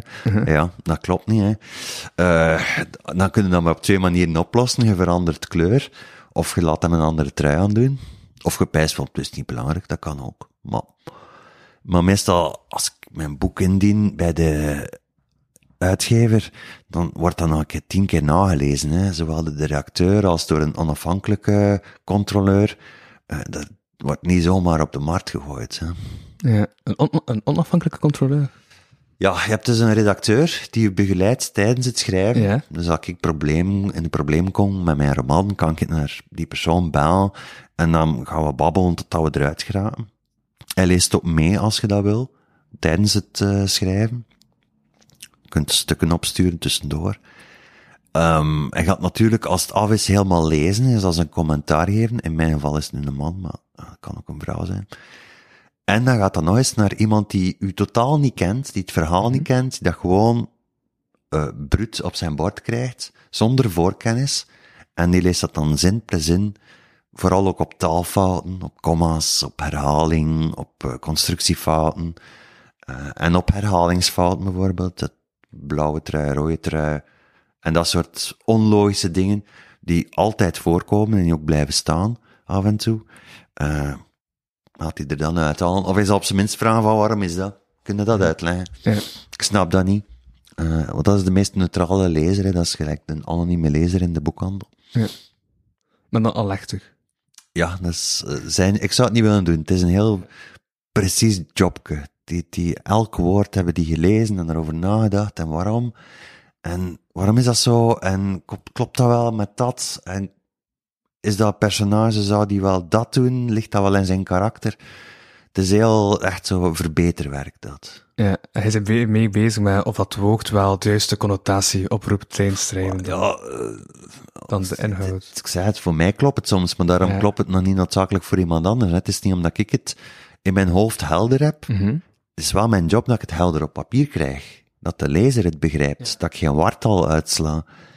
En dat die, die extra bureau-redacteur heet dat, uh, zal daar heel streng op zijn. Ja. Dus je moet tijdstreven niet bezig zijn met de lezer, Zou maar niet. wel daarna. Uh, ik ben daar niet mee bezig. Om, Ja. Ik ben dan bezig met dat verhaal in mijn hoofd, met die personages. Wat gaat er gebeuren en hoe krijg je dat op papier? Hoe dat de roman zal ontvangen worden door lezers, ja, dat, dat moet er niet mee inzetten. Dat is, dat is totaal nog niet aan de orde. Uh, anders zitten twee, drie jaar gewoon te stressen van wat gaan, er van, wat gaan ze ervan denken. Ja, dat is verlammend. Hè. Dan, waarom zou je daarmee bezighouden? Dat is de enige reden waarom dat je een boek zou schrijven, is omdat jij het wil schrijven. Niet omdat je denkt van, ik ga daar rijk mee worden, of ik ga daar beroemd mee worden, of uh, ik ga er een publiek mee bereiken, want dat weet je niet. Mhm. Zelfs het beste boek ter wereld. kan zijn dat dan een flop wordt. Hè. Dat is, uh, er hangt zoveel toeval mee gemoeid, dat dat eigenlijk, je hebt daar toch geen invloed op. Dus kun je er maar beter niks van Ja. aantrekken. Ja. Maar is het beste boek ter wereld dan wel het beste boek? Haha, dat is natuurlijk de vraag, hè. Uh, ja, je hebt heel veel voorbeelden van romans die pas veel later ontdekt worden. Mhm. Na de dood van de schrijver, of, of tien jaar. Uh, plots breken die dan toch nog eens internationaal door. Uh, dat gebeurt af en toe nog. Hebt mensen die met hun debuut uh, direct een bestseller schrijven, zoals Lise Spitz is een mooi voorbeeld. Die direct een heel groot publiek hebben. Uh, Giet Op de Beek was ook zo'n persoon. Die, ja, die schrijven iets, en, maar dat is niet voorspelbaar, hè. Mhm. En plots verkopen die honderdduizend exemplaren van een boek, wat ontzaglijk veel is, wat er bijna niet bij te houden is. Ja. Maar dat kun je niet voorspellen. Voor hetzelfde geld doet dat niks. Verkoopt dan maar 500 exemplaren, hè. Hop, dan mag je het volgende schrijven, kun je weer drie jaar werken. Mhm. Maar het lukt wel om het ergens aan het schrijven te zetten. Het is niet dat je zo jezelf moet forceren om te beginnen met schrijven. Nee, uh, discipline is soms een beetje moeilijk. Uh, In welke zin? Oh ja, dat je moet uh, tussen je werk voor de knak door en je dagelijkse beslommeringen, dat je ook wel een beetje regelmaat moet hebben. Um, Momenteel voor de knak, wat doe je nu voor de, voor de knak? Dat zijn dan die columns alleen? Of? Uh, recensies, hè. Ik Ja. uh, lees boeken, twee per week denk ik, en ik bespreek die in de knak. En ik zorg ook dat de rest van de boekenpagina's ingevuld worden. Eh, eh, Wel, er staan in de focusknak staan er eh, drie pagina's recensies. Of ik schrijf drie pagina's recensies, of ik geef iemand anders werk. Bijvoorbeeld Man Niks Verplanken doet eh, heel veel voor mij. Woont nu ook in Kortrijk. Eh, hij doet vooral Nederlandstalige literatuur. En dan moet ik zorgen dat Man Niks op tijd een, een boek bespreekt. Hè. Anders eh, staat er een blanco pagina in de knak en dat kan niet de bedoeling zijn. ja, ja. Uh, maar dat dan ook met, met een specifiek aantal eh woorden dat je Ja, natuurlijk. Ja. Is heel precies geregeld hoeveel tekens er op een blad kunnen. Hè. Mhm. Dat is meestal tussen de 2500 en 3200 tekens. Je kunt daar een beetje mee spelen, maar ook niet eindeloos. Ja. En dat dan vaak dat zo horen moet, dat, dan, dat je dat ding moet afkorten of bijschrijven. Maar je wordt dat gewend. Doe dat Ja. nu al tien jaar. Ik weet ongeveer wel wat 3000 tekens zijn. Ik weet wat 1500 tekens zijn. Als ze zeggen, schrijf dus een tekst van 1000 woorden, dan weet ik ongeveer al hoeveel pagina's het dat zal zijn. En het ook iets heel handig van onder is zo'n word count. Hè. Ja. Als je het echt niet weet, dan kun je daar eens op klikken. Maar dat zit al zodanig ingebakken in, in dat is, ja, métier. En heb je dan ook al een idee van, ah, ik ga dat, dat en dat aanhalen? Of, Ja, al tijdens het lezen van het boek, ja, ja. ja. En dat is heel frustrerend. Ah, niet frustrerend. Ehm, het plezier is een beetje weg, hè. En Je bent bezig met, met het analyseren van dat boek. Ja. Eh, Wat ga je daarover schrijven? Wat is er belangrijk in dat boek? Ja, ah, ja, dat is het ook- goed? Is het niet Dat is ook goed? het probleem dat ik nu heb, dat ik dacht, ah, ik ga schrijvers vragen, dan ga ik beginnen lezen. Mhm. Eh, maar nu ben ik gewoon eh, analytisch aan het lezen. Dus, Ja, het leesplezier zelf is een beetje weg. ja. Ja. mis dat soms. Alleen nog op vakantie, als ik zo echt niks moet en als ik zelfs een beetje vakantie heb van de knak, dan ga ik nog een keer een boek lezen, gewoon omdat ik het graag lees. En niet per se omdat ik het moet lezen voor, eh, voor de knak. Maar soms het voordeel omgekeerd is ook dat je ontdekkingen doet. Hè? Want als je twee boeken per week moet lezen, en er komt heel veel uit, ga je wel een keer een boek vastpakken dat je normaal nooit zou vastpakken in de boekhandel. En dat is wel fijn. Als je dan een goede ontdekking doet, dan, dan maakt dat wel je week goed, ja. Ja. Hoeveel uur per dag zeg je dan bezig met lezen? Veel. Dat, ja, veel, dat is mijn dag. Toch, Ja. hè? Ik weet niet, ja. Ik heb het nooit, het hangt een beetje vanaf hoe, hoe groot dat is, maar ja, ik, ik doe ook maar dat, hè. Boeken Ja. lezen, boeken schrijven, eh, koken en stofzuigen, hè. Dat is uw dag. Dat is meestal mijn dag, ja. Oké.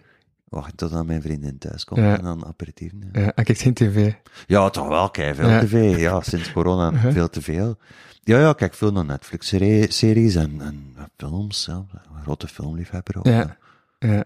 Ik heb nu een brug gemaakt naar... ehm, dus twee van uw boeken zijn in de filmrechten al Mhm. van verkocht. Mhm. Maar de- die films zijn nog niet verschenen. Nee, nee, nou, dat gaat ook nog een tijd duren. Hè. Ja. Ehm, films, verfilming van boeken, eh kruipt dat belachelijk veel werk in. Mhm. En dat kost ook belachelijk veel geld. Ja. Ehm, ik ben daar niet zo direct bij betrokken. Ik ken de regisseurs wel die het gaan doen. En af en toe zitten wij samen voor koffie te drinken en zo. Dan vraagt hij, ondervraagt hij mij weer over, ja, zat dat weer in vloed en hoe zie jij dat? Maar die pakken uw boek als basis, maar die gaan dat helemaal veranderen. Hè. Die, de, eh, bijvoorbeeld in vloed, de kans is groot dat er zes personages zijn in plaats van Ja. vier. Ja. Omdat dat anders, kun je geen film maken van twee uur. Ja. Je kunt het wel, maar het is handig als je wat, bijvoorbeeld een dode of twee meer hebt. Dat er iets meer interactie is, want alles in film is beweging, is eh, dialoog ook heel veel. Het verhaal moet verteld worden. Ik kan het gewoon beschrijven. Zij moeten het laten zien, het moet gebeuren, er moet actie in zitten. Dus eh, ja, en dan moet het ook allemaal praktisch nog haalbaar zijn. Want ik kan, ik kan wel zeggen van het regent en ehm, heel de stad staat onder water. Maar als regisseur moet je toch vijf keer nadenken voordat je denkt van ik ga een stad onder water zetten. Dan kunnen ze nu... Ze kunnen, ze kunnen toch al veel toevoegen? Ja, je kunt inderdaad veel toevoegen, maar dat maakt het daarom niet goedkoper. Hè. Ja. Dat is meestal het probleem. Hoe, zeker in Vlaanderen, ja, het budget van een film is niet zo denderend groot. Mhm. Het is niet gelijk een Hollywood-film, waar dat ze 50, 60 miljoen kunnen spenderen aan special effects. Ja. Omdat ze weten van, oh, we gaan het er wel uithalen op het einde. Ja. Ehm Om, ja, hier zijn die budgetten altijd... zo groot niet, hè. eh ja, je hebt ook gezien hoe met Torpedo, hè. Die duikbootfilm, dat is dan aangepakt. Dat, Ah, dat weet dat ik was ook met minder budget, maar het is wel nog... Je Ja. kunt met heel kleine dingen, ja, ho- ja, Ja, hoeft niet dat- dat constant. dan. Dus, daar moeten zij creatief in zijn, hè, en dat op te lossen en, Mhm. en dan dat scenario aan te passen.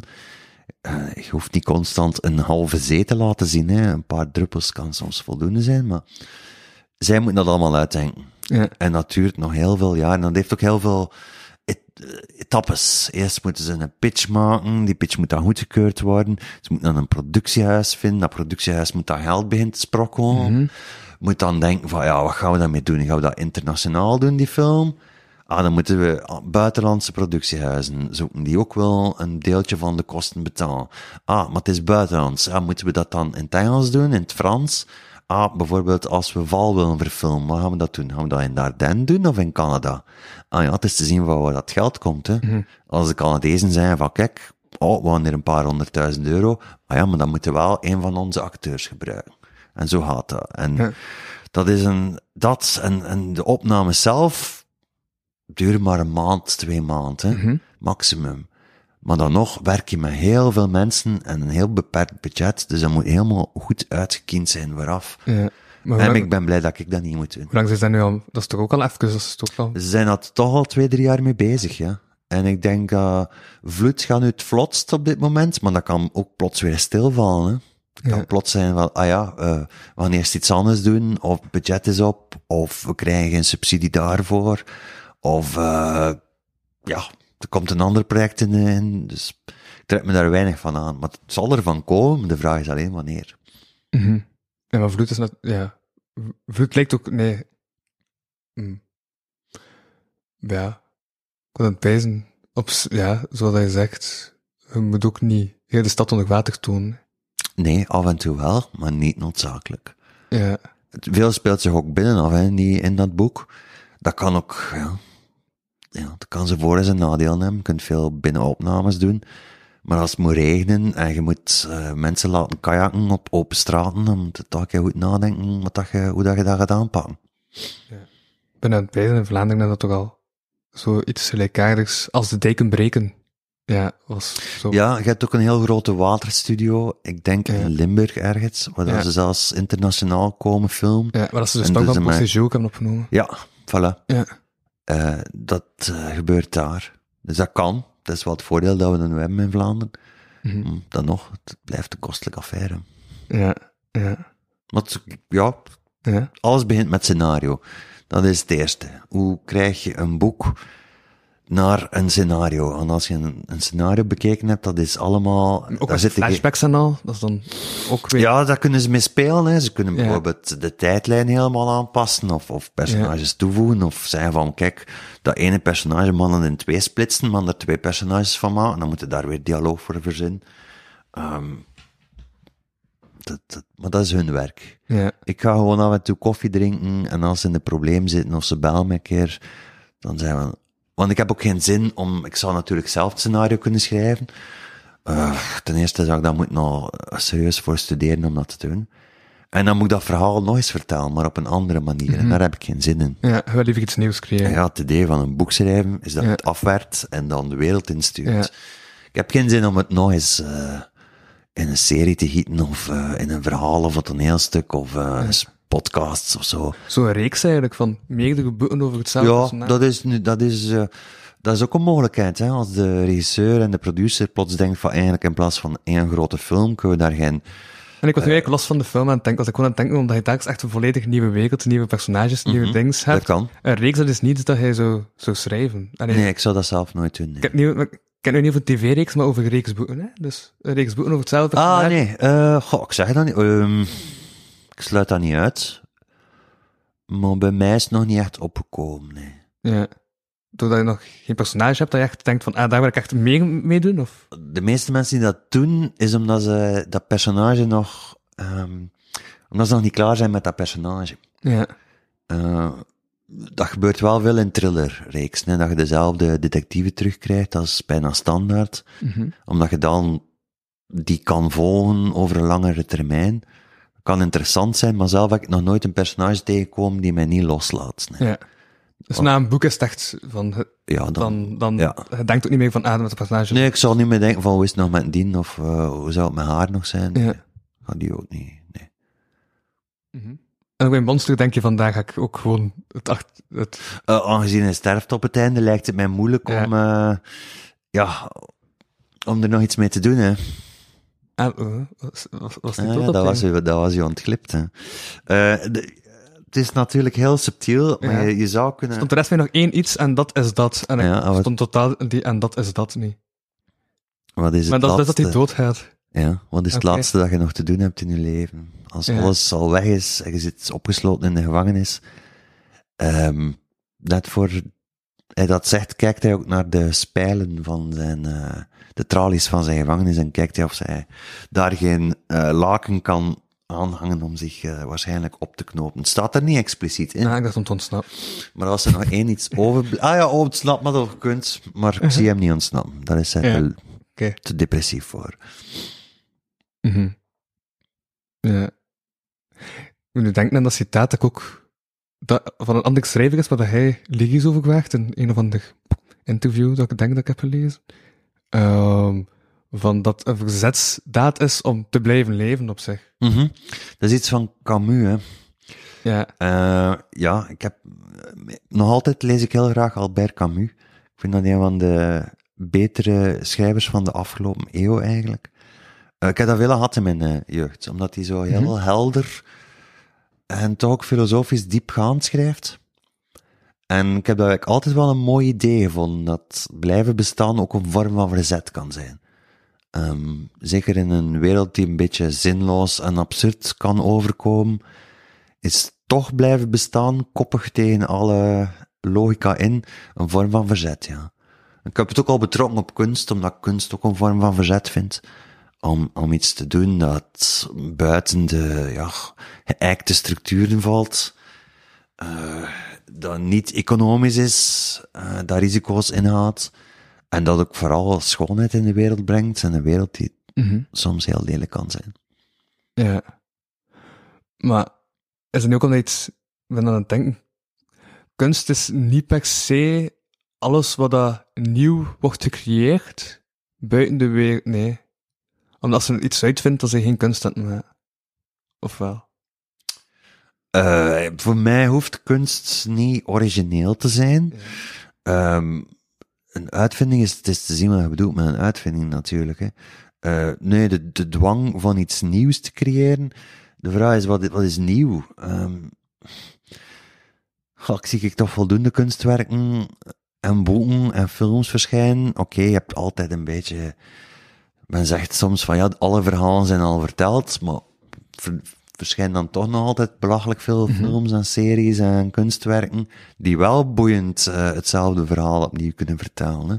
Het is niet omdat, je, omdat Shakespeare al eh, met Romeo en Juliet een liefdesverhaal heeft geschreven, dat jij geen liefdesverhaal meer kunt bedenken. Hè.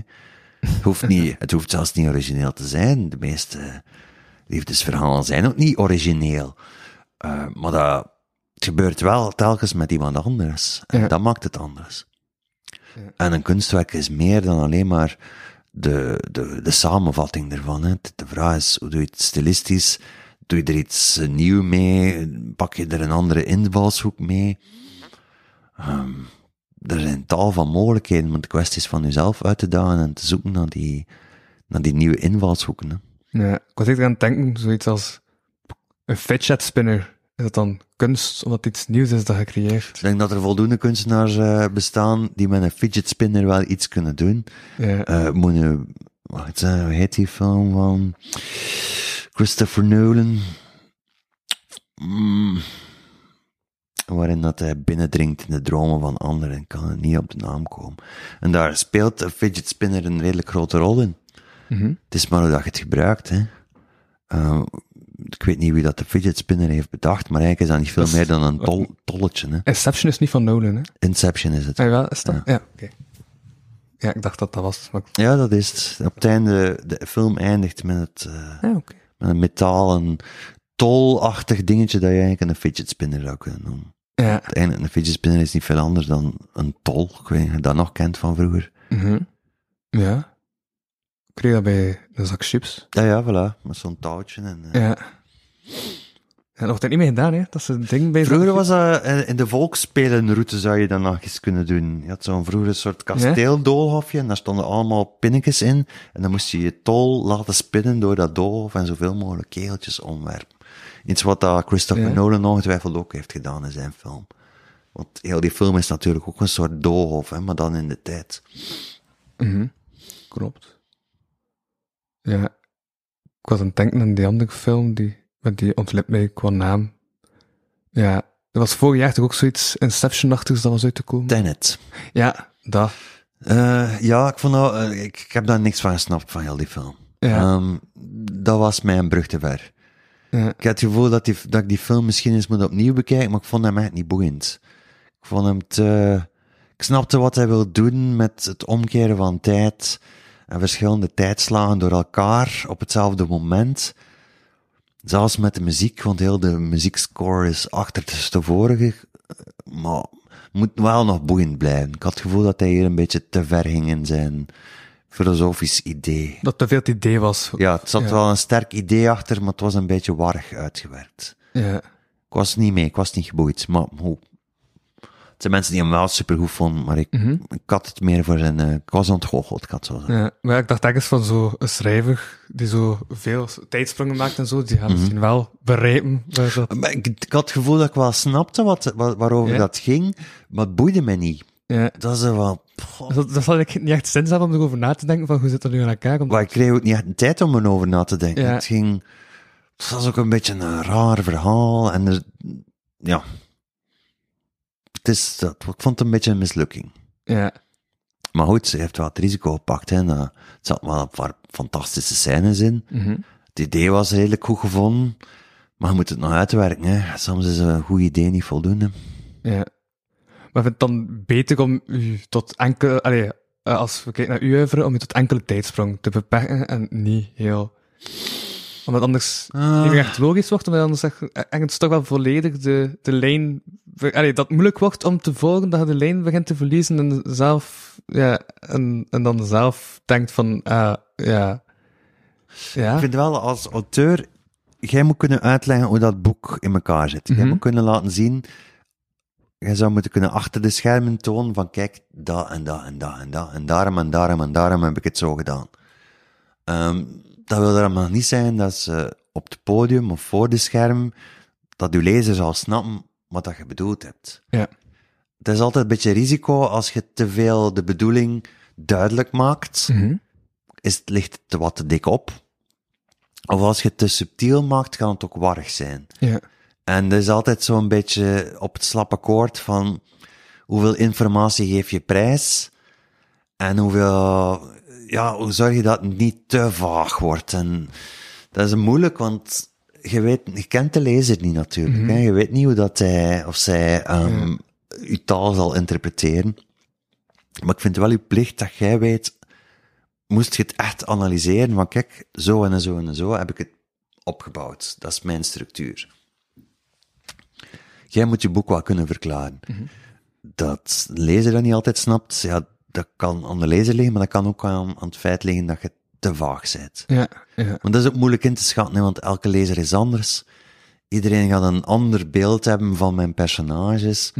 Ehm, je zal ook merken dat ik zelden heel concrete fysieke beschrijving doe, bijvoorbeeld. Want bijvoorbeeld het hoofdpersonage van Vloed, ik kan niet, zou niet kunnen zeggen of dat hij een zwart haar heeft of, of blond is. Ja, maar wel even een rode trui aan heeft. Dat zou wel kunnen, maar ik denk niet dat er heel veel fysieke beschrijvingen in Ja. zitten. Ik probeer zoveel mogelijk over te laten aan de lezer. Mhm. De lezer moet het verhaal eigenlijk bedenken. Hè. Jij kan alleen maar wat clues geven via de taal en proberen duidelijk te maken, maar hoe dat iedereen dat gaat interpreteren, dat weet Ja. je niet. Hè. Ja. En dat soms moeilijk is van, ja, hou je het vaag, of hou je het overduidelijk, en overduidelijk is saai, want dat is van, ja, ja, ik weet het Mhm. wel, je moet het mij niet zo uitleggen. Te vaag is ook zo frustrerend voor de lezer, dus dat is, dat is een beetje Ja, de zijn kunst. er ook terug lijkenissen met comedy. Ja, ik ben terug bezig met wat comedy te schrijven en zo, terwijl ik vooral meer aan comedy aan het denken ben. Mhm.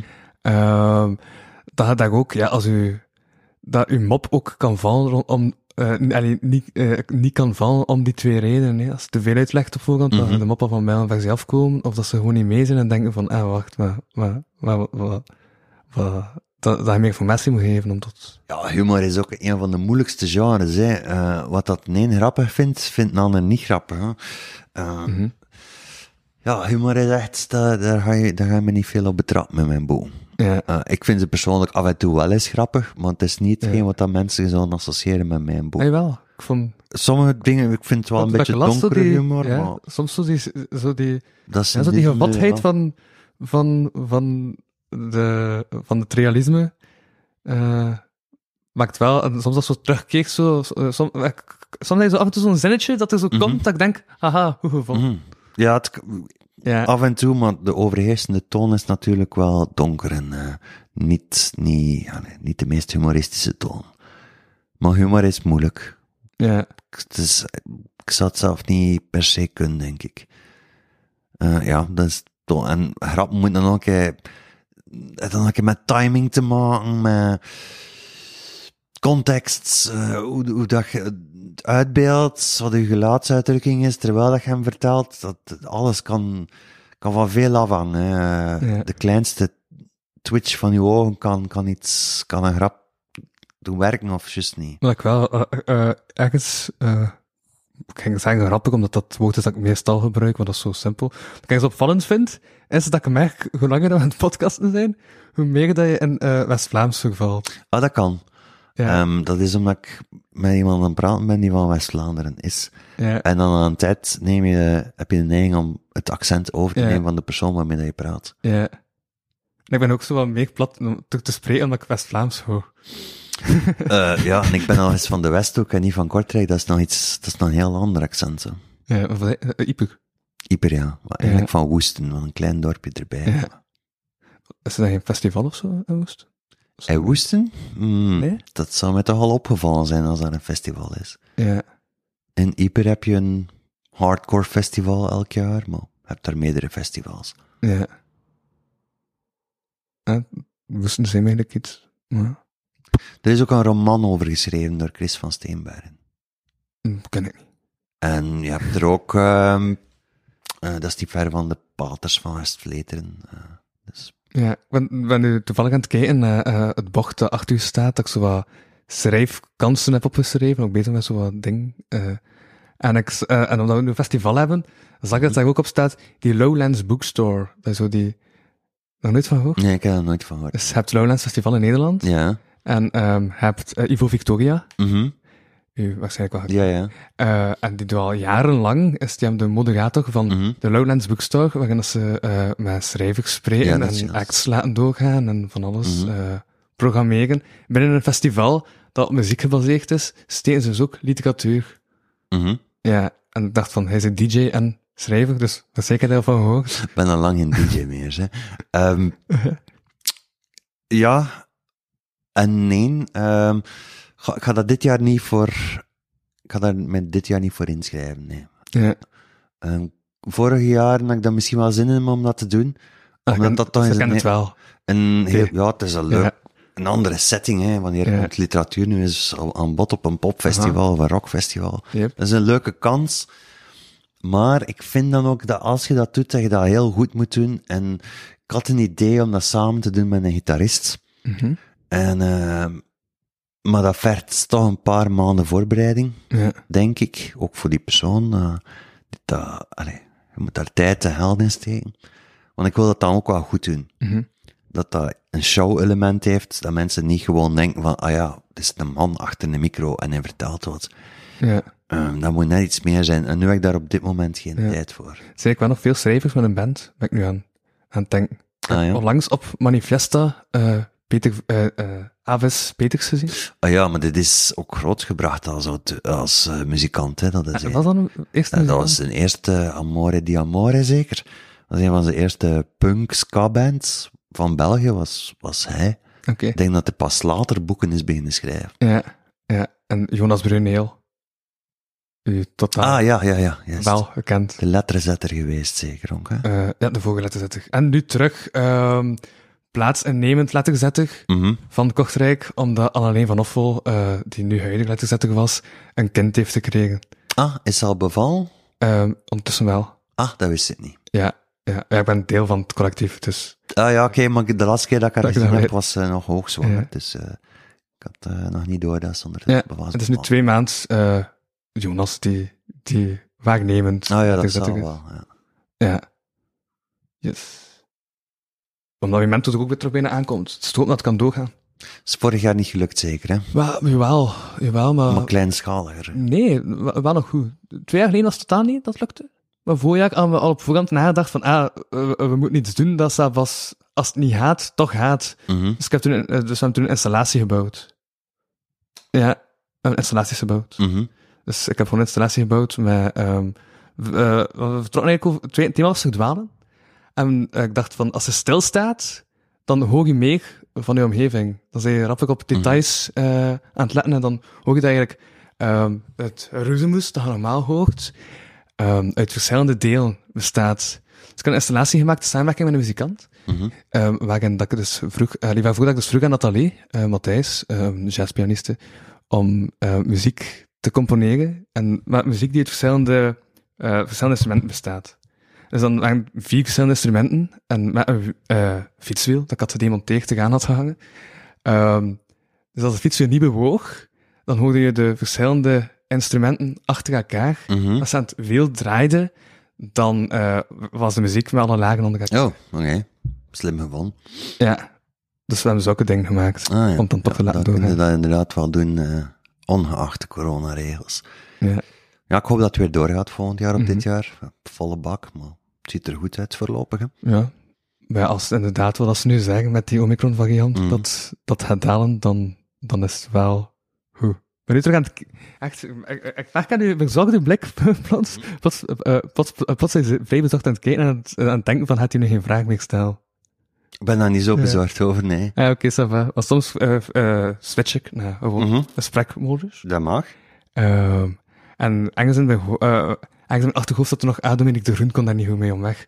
Dus als ik aan het denken van, ah, misschien kan, Rode- misschien is dat een schrijversding. En ben ik nu schrijvers aan het veralgemenen. Oh nee, want het is... nee, ik, kan, ik heb geen probleem met Ja. babbel of vragen stellen. Oké, va. Ja, gewoon omdat ik het weet. Ja. Dan ben ik ook wel stress dat, basic. Omdat ik dacht van, ah, dan ga ik terug geen vraag stellen en dan, Mhm. eh, ja. Ja, en nu voel ik spanning. Maar, is er spanning? Nee. Ik heb geen spanning. Nee, ik zou niet weten waarom. Maar ik, ik weet niet, ik voelde ik spanning door te benoemen wat er aan het gebeuren is. Dacht ik, ah, nu is er spanning. En nu zijn we vreemd mee aan het gaan, ik het gevoel. Ehm, maar... tut. Ah, juist nu met letter zetten gaan we trouwens... eh, we hebben dus... dus het is een zot wat dit jaar hebben gedaan. Dus had zo... Ah ja, Kortrijk heeft nu de boekenbeurs gestopt in Antwerpen. Ja, Ja. En eh Kortrijk heeft nu Boektopia gemaakt. Zijn eigen ja boekenbeurs. Ja. die eh, vanaf volgend jaar ook telkens groter en groter gaat worden, met Mhm. een heel stad. Ja. Wat uiteindelijk Antwerpen ook niet deed, hè. Dat was ook zo, dat ene plaatje daar zo, en de ja, dat was enkel in de expo. En Antwerpen was zo, ja, niets. Eh, nee, er was niks in het stadsgebeuren Ja. bij, nee. Ik denk dat het ergens wel ook vernieuwend is, dat Boektopia nu ook heel stad er wil bij betrekken, en zo heel ding. Ja, ik hoop dat het werkt, want ondertussen heeft elke stad ondertussen zijn eigen boekenfestival. Hè. Oostende komt nu ook met, met een groot boekenfestival. Eh, ik hoop Ja. dat dat niet in elkaar in de weg gaat zitten, maar Ja. Op hoe zich, meer hoe beter zeker. Echt Toste stopte en Bert Habrias en Kamal Kangmach begonnen alle twee met een eindejaarsconferentie en dan mag Sheikh het ook. Eh, ja, ja, maar Ja, er ik is gevoel dat verschil. eerst iets moet stoppen dat groot is, alvorens dat anderen het ook doen. Ja, maar de boekenbeurs op zich had natuurlijk Ja. zo'n grote traditie dat mensen de boekenbeurs alleen maar associeerden met Antwerpen. En dan Ja. is het heel moeilijk om... Het is niet omdat je het in twee splitst, dat de, helften daarom even sterk zijn. Hè? Nee, maar dat is, wat hij echt was, eh, was ook zo. Die doet met zijn eindejaarsconferences en dan zijn het plots twee. Uh, doet Geert Hoste geen interesse meer? Dat die, weet ik niet. Die is al vijf jaar gestopt of zo. Ah, maar misschien is dat ook maar goed. Die doen nu nog zo eh, korte mopjes en de dag allemaal. Ah ja? Oké. Ja, dat is wat hij nu nog doet. Die man niet. Ehm, ja, maar da- ja, daarna kwam plots kwam ook en Bert Habrias met eindejaarsconferentie. En Ja, want dat is nog altijd iets anders. Hè. Het, is niet dat Ja. er, eh, het is niet zo dat Geert Hoste de enige comedy-artiest was. Hè. Op dat moment had ook bijvoorbeeld ook Jacques Vermeijren. hè. Ja, maar had ook wel zo, ja, boekenfestivalachtige... Ja, maar Dingen. niet, in, niet, op, niet op de schaal dat, dat je in Antwerpen Expo had, waarin dat er eigenlijk, dat was één grote winkel, waar dan ook nog eens een festival aan vastplakte. Mhm.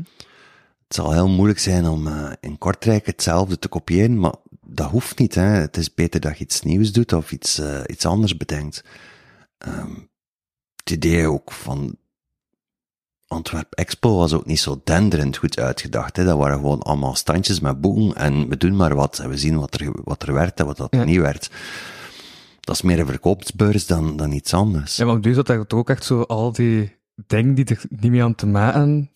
Ja, ik kan geen ding benoemen, maar er zaten er echt zo gelijk bedrijven en zo, dat plots ook aan kookdingen en eh, iets, iets, iets, iets dat keukens verkoopt, dat ze dan bij de uh, Ja, kookboeken tuurlijk, ja. hadden gezet. Als, Dat dan eh, niet echt eh, boeken zijn, dus dat... als Sandra Beccari een boek uitbrengt en ze kan iemand overtuigen die keukens bouwt om haar te sponsoren, ja, natuurlijk Ja. zat dat, had dat werken. Hè. eh, dus dat begon toch dan zo heel wat... Ja, dat is, altijd, maar dat is altijd een commerciële beurs geweest. Hè. Ja, Mensen, de, de uitgevers willen zoveel mogelijk boeken verkopen en de mensen, voor sommige mensen was dat de enige uitstap per jaar dat die deden om boeken in te slaan. Hè. uh-huh. Dat was ook ideaal voor het einde jaar. ja. Dat zou wel kunnen zeggen dat nu de essentie terug bij de boeken ligt door die Ik nieuwe... hoop het, ja. Het zou wel fijn zijn als dat dingen. terug eh, kle- iets kleinschaliger wordt, met aandacht voor de auteur.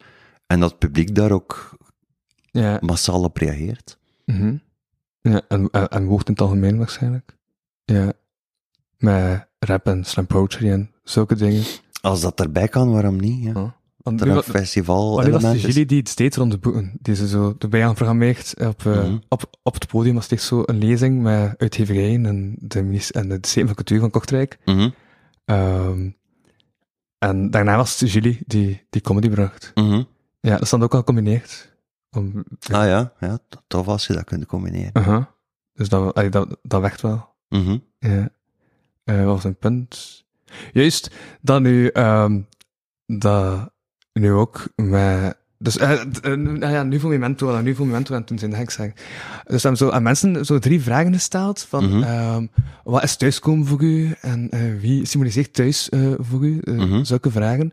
En dan ook een, opgeschreven en dan op basis van die antwoorden eh, zo een zin geschreven. Zo niet te kijken zin. Mhm. Ehm, die we dan, en die, die zinnen, ehm gaan dan herwerken in eh, langere teksten. Ehm, ja, die dan als soort van koffietafel gaan gepresenteerd worden. Ja, Ja. omdat op de koffie komen is, is, is, is ook een soort van thuiskomen. mhm. Ja, en nu dat ik over koffie begin, ga ik toch gekeken wat de koffie. Oeh, ehm, maar ik ga eens moeten kijken hoeveel tijd dat je hier nog van mij zult Ja?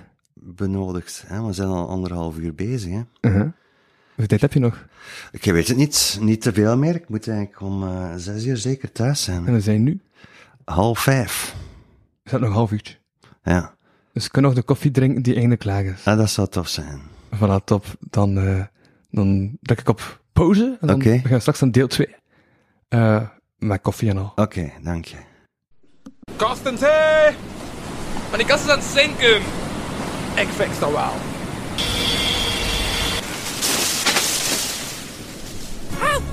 Wat is het? Er is een kast gekopske, gekop, gekopske, gekopspekst, gekospke, ge- Aan het zinken. Kapotkast crew to the rescue! Deel 2. Welkom bij deel 2 van deze aflevering van de Kapotkast. Ehm, ja, nog steeds met Louis van Oosthuizen en... Roderick Six. Voilà, nu ging dat direct veel vlotter. Dus dat is goed. Ehm, en we hebben nu ook koffie. Dus, Ja, dank je wel daarvoor. yes. Dat is Dus goed. eh, de brandstof van elke auteur. Ehm, ja, dus we gaan nu het laatste, we gaan nu afronden in, in, in stijl. Hebben Mhm. koffie, dus dan is het sowieso al stijlvolg. Maar we zijn nu eigenlijk bezig, momenteel. Allee, momenteel zijn we een podcast aan het opnemen. Maar ehm, momenteel zijn we bezig met een nieuw boek, of? Ja, ja, ik ben bezig aan een nieuwe roman. Ja. En dat is ook het eh, maximum dat ik daarover kan vertellen. Eh, ik weet nog niet wat het zal worden. Ik denk dat het een groot boek zal worden, maar dat valt nog te bezien. Ja, Ik denk dat ik er een paar jaar eh, werk mee ga hebben en eh, ik werk er graag aan, dus ik ben zelf benieuwd wat er Oké. van komt. goed. Maar het pakt dus wel net een paar jaar voor, voor een boek. Ehm, ik heb nog nooit, ik ken eigenlijk niemand die een roman schrijft op minder dan een jaar tijd. Ehm, ik zou geen eh, voorbeeld kennen, nee. Ja. Ja, dat, Ik heb het niet over thriller-auteurs, want die doen ja. er soms twee op een jaar. Herman Brusselman schrijft er ook twee op een jaar. ja, ja. En detectieve verhalen zijn ook niet echt romans. Ja, dat eh, valt, dat, daar valt over te discussiëren. Ik aan het denken omdat eh, Jonas Boets is, is wel een auteur die, die Mhm. veel schrijft. Dus heeft zo...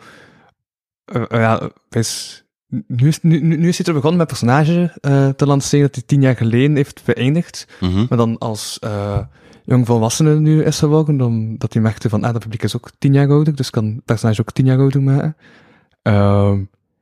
En dat hij nu ook al bijna het tweede boek al af is. Maar dat hij daarnaast wel zo, hij zo van die eh, extra boeken nog uit heeft voor kinderen. Of is het dan zoals dat je columns zou schrijven, eigenlijk, daarnaast. Omdat ook voor kinderboeken van, van kleine, allee, 50 pagina's of zo is natuurlijk ook wel... Eh, maar kinderboek schrijven kan even lastig zijn als een roman Ja. schrijven. Hè. Ik- Ja, ik werk er langer aan. eh, ik werk er minstens een paar jaar aan. ja.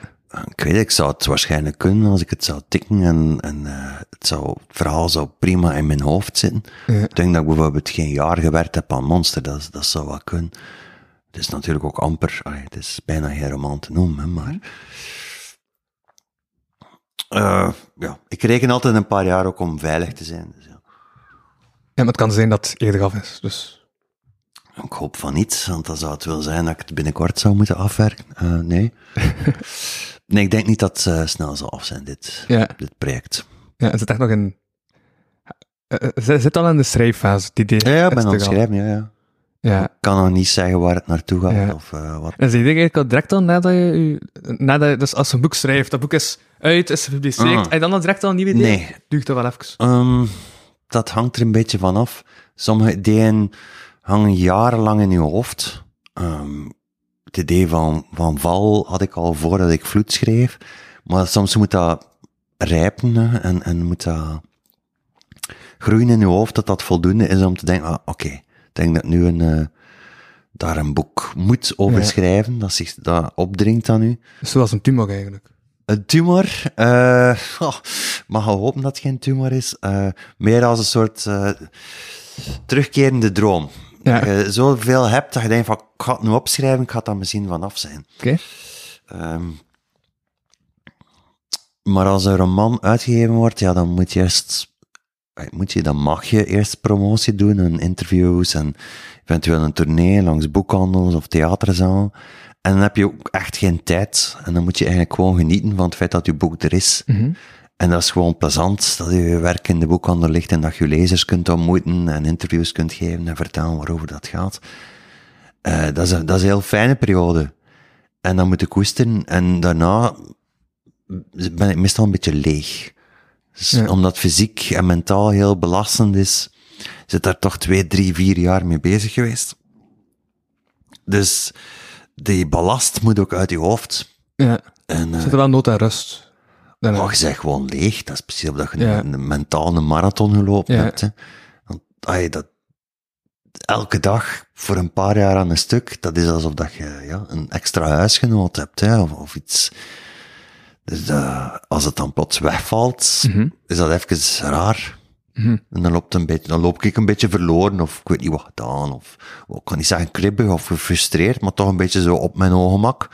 Want je bent dan nu gewend van elke dag bezig te zijn met dat verhaal, en nu is dat plots eh, verdwenen, Ja. dat, eh, in de wereld, in de boekhandel. Maar niet zo verdwaald als het hoofdpersonage van Monster. Eh, nee, niet zoveel, maar toch, ay, ja. Je mist die toch, op, je Ja. mist dat schrijven toch. En het is niet verstandig, hè, ay, in mijn geval dan niet, om meteen aan iets nieuws te beginnen. Je hebt daar wel zin in, maar dat wil er nog niet zijn dat je er al klaar voor bent. Mhm. Het is misschien beter om ook gewoon even vakantie te nemen, om je brein terug op te laden. Ja. En als je een idee hebt, een nieuw idee, zit dan al... Hoe weet, hoe weet je dan of dat, dat echt het, idee is dat, dat je nu op toewijden op het nieuwe boek? Dat is een moeilijke, hè. Ja. Ehm, ik weet dat omdat het zich eh, aan mij opdringt. Ja. Omdat ik eh, er niet meer omheen kan. Omdat ik denk van, ja, ik kan eigenlijk alleen maar aan dat idee denken. Mhm. Zoals ik zei, een soort Ah, ja, terugkerende ja. dromen. Maar, maar je dan aan begint en zit er zo een paar dagen mee bezig, Mhm. kun je dan alsnog merken van, wauw, het is toch niet echt wat dat... Dat is me nog niet overkomen. Ja. hè. Als ik eraan begin, dan is het meestal om het helemaal af te werken. Ja. denk dat het maar één keer gebeurd is dat ik een roman begonnen ben en dat ik hem terug in de kast heb gelegd. En het was dan uiteindelijk toch nog val geworden, dus ik heb dan nog stukjes opnieuw gebruikt, maar ik was verkeerd begonnen. En toen ik de tweede keer opnieuw begon, was het direct goed. En waarom was je verkeerd begonnen? Ja, weet ik niet meer. Eh, het was, het was een, een stuk die verder in de roman al stond. Het begin was niet goed. Oké. Eh, dat ik dat gerecycleerd heb, hè, dat ik daar stukjes opnieuw van gebruikt heb. Maar het Ja. was gewoon niet het juiste perspectief. Ja. Dus, dus dat kan ook gewoon dat je niet meer het juiste beginpunt zijn begonnen, dat je niet... Eh, ja, mijn begin moet goed zijn. Hè. Ja. moet direct een goede openingszin hebben, de vaart, de goesting om verder te schrijven, Ja. zelf benieuwd zijn naar wat, wat gaat er nu gebeuren. Is de eerste pagina... eh, allee, de belangrijkheid van de eerste pagina, weegt die ergens toch hoger dan... Ja, ik vind dat wel, ja. Ja. Als mensen in een boekhandel zijn, Ja? het ook eerst altijd, eh, als je het boek opslaat, dan begin je bij pagina 1. Hè. Als je dat al niet boeiend vindt, waarom zou je verder lezen? Uh-huh. Dus ik vind dat wel belangrijk, ja, de eerste zin, de eerste alinea.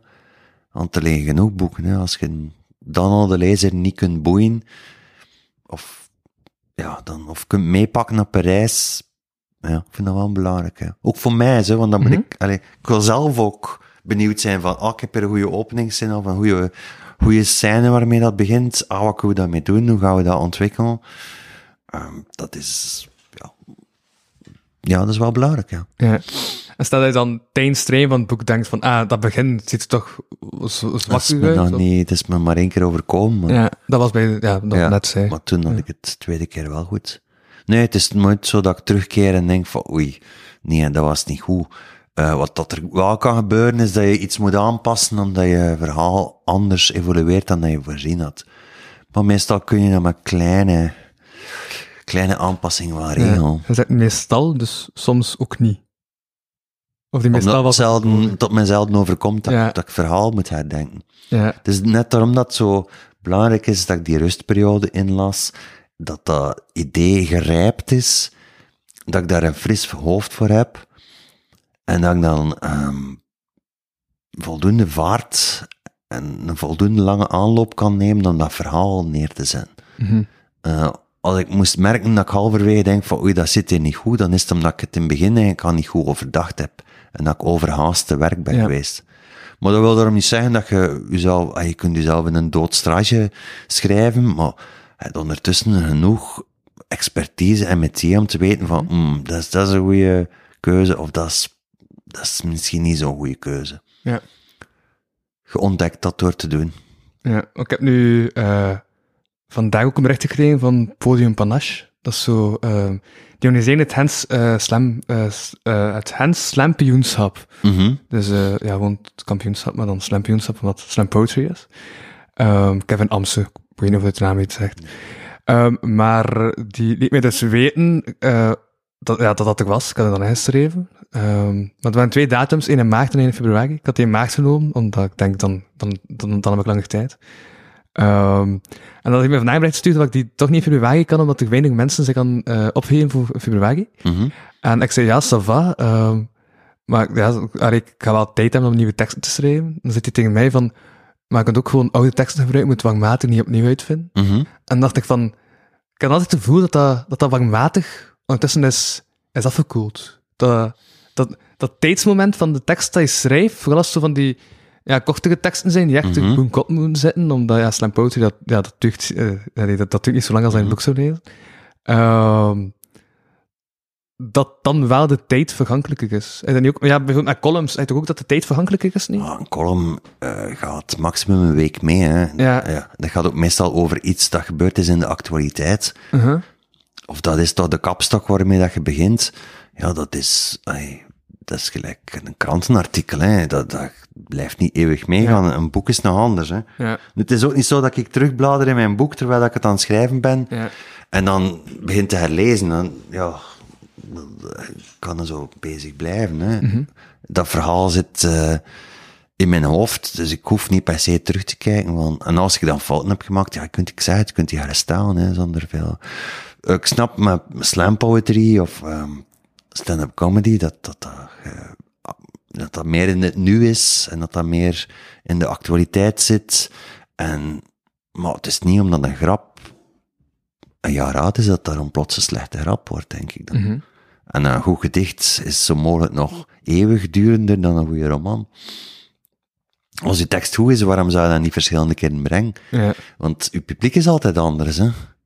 Maar vind je zelf ook je laatste boek altijd beter dan je Mm, vorige boek? ik vind van wel, maar dat hoeft niet per se zo te zijn. Ja. Ik weet dat elk boek zijn eigen publiek heeft en zijn eigen liefhebbers. Er zijn mensen die, die liever val lezen, hebt mensen die liever monster Ja, maar ik lezen. heb het vooral over het, eh, over het eigen aanvoelen als maker. Goh, maar je makt dat en je stuurt dat uit en het is niet dat ik heel de dag zit te denken van, oh, wat zou nu mijn beste boek zijn? Het zou een beetje heel ijdel zijn van me.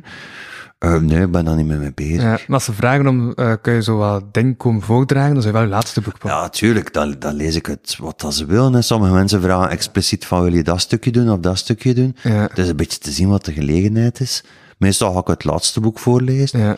Eh, het is ook te zien hoe lang dat, dat moet duren. Hè. Als je een een gesprek hebt van een uur of zo, je moet daar tien minuten in voorlezen, dat is iets anders dan dat je tijdens een interview een kort stukje voordraagt. Mhm. En ja, dat is soms raar om dan die tekst opnieuw te zien.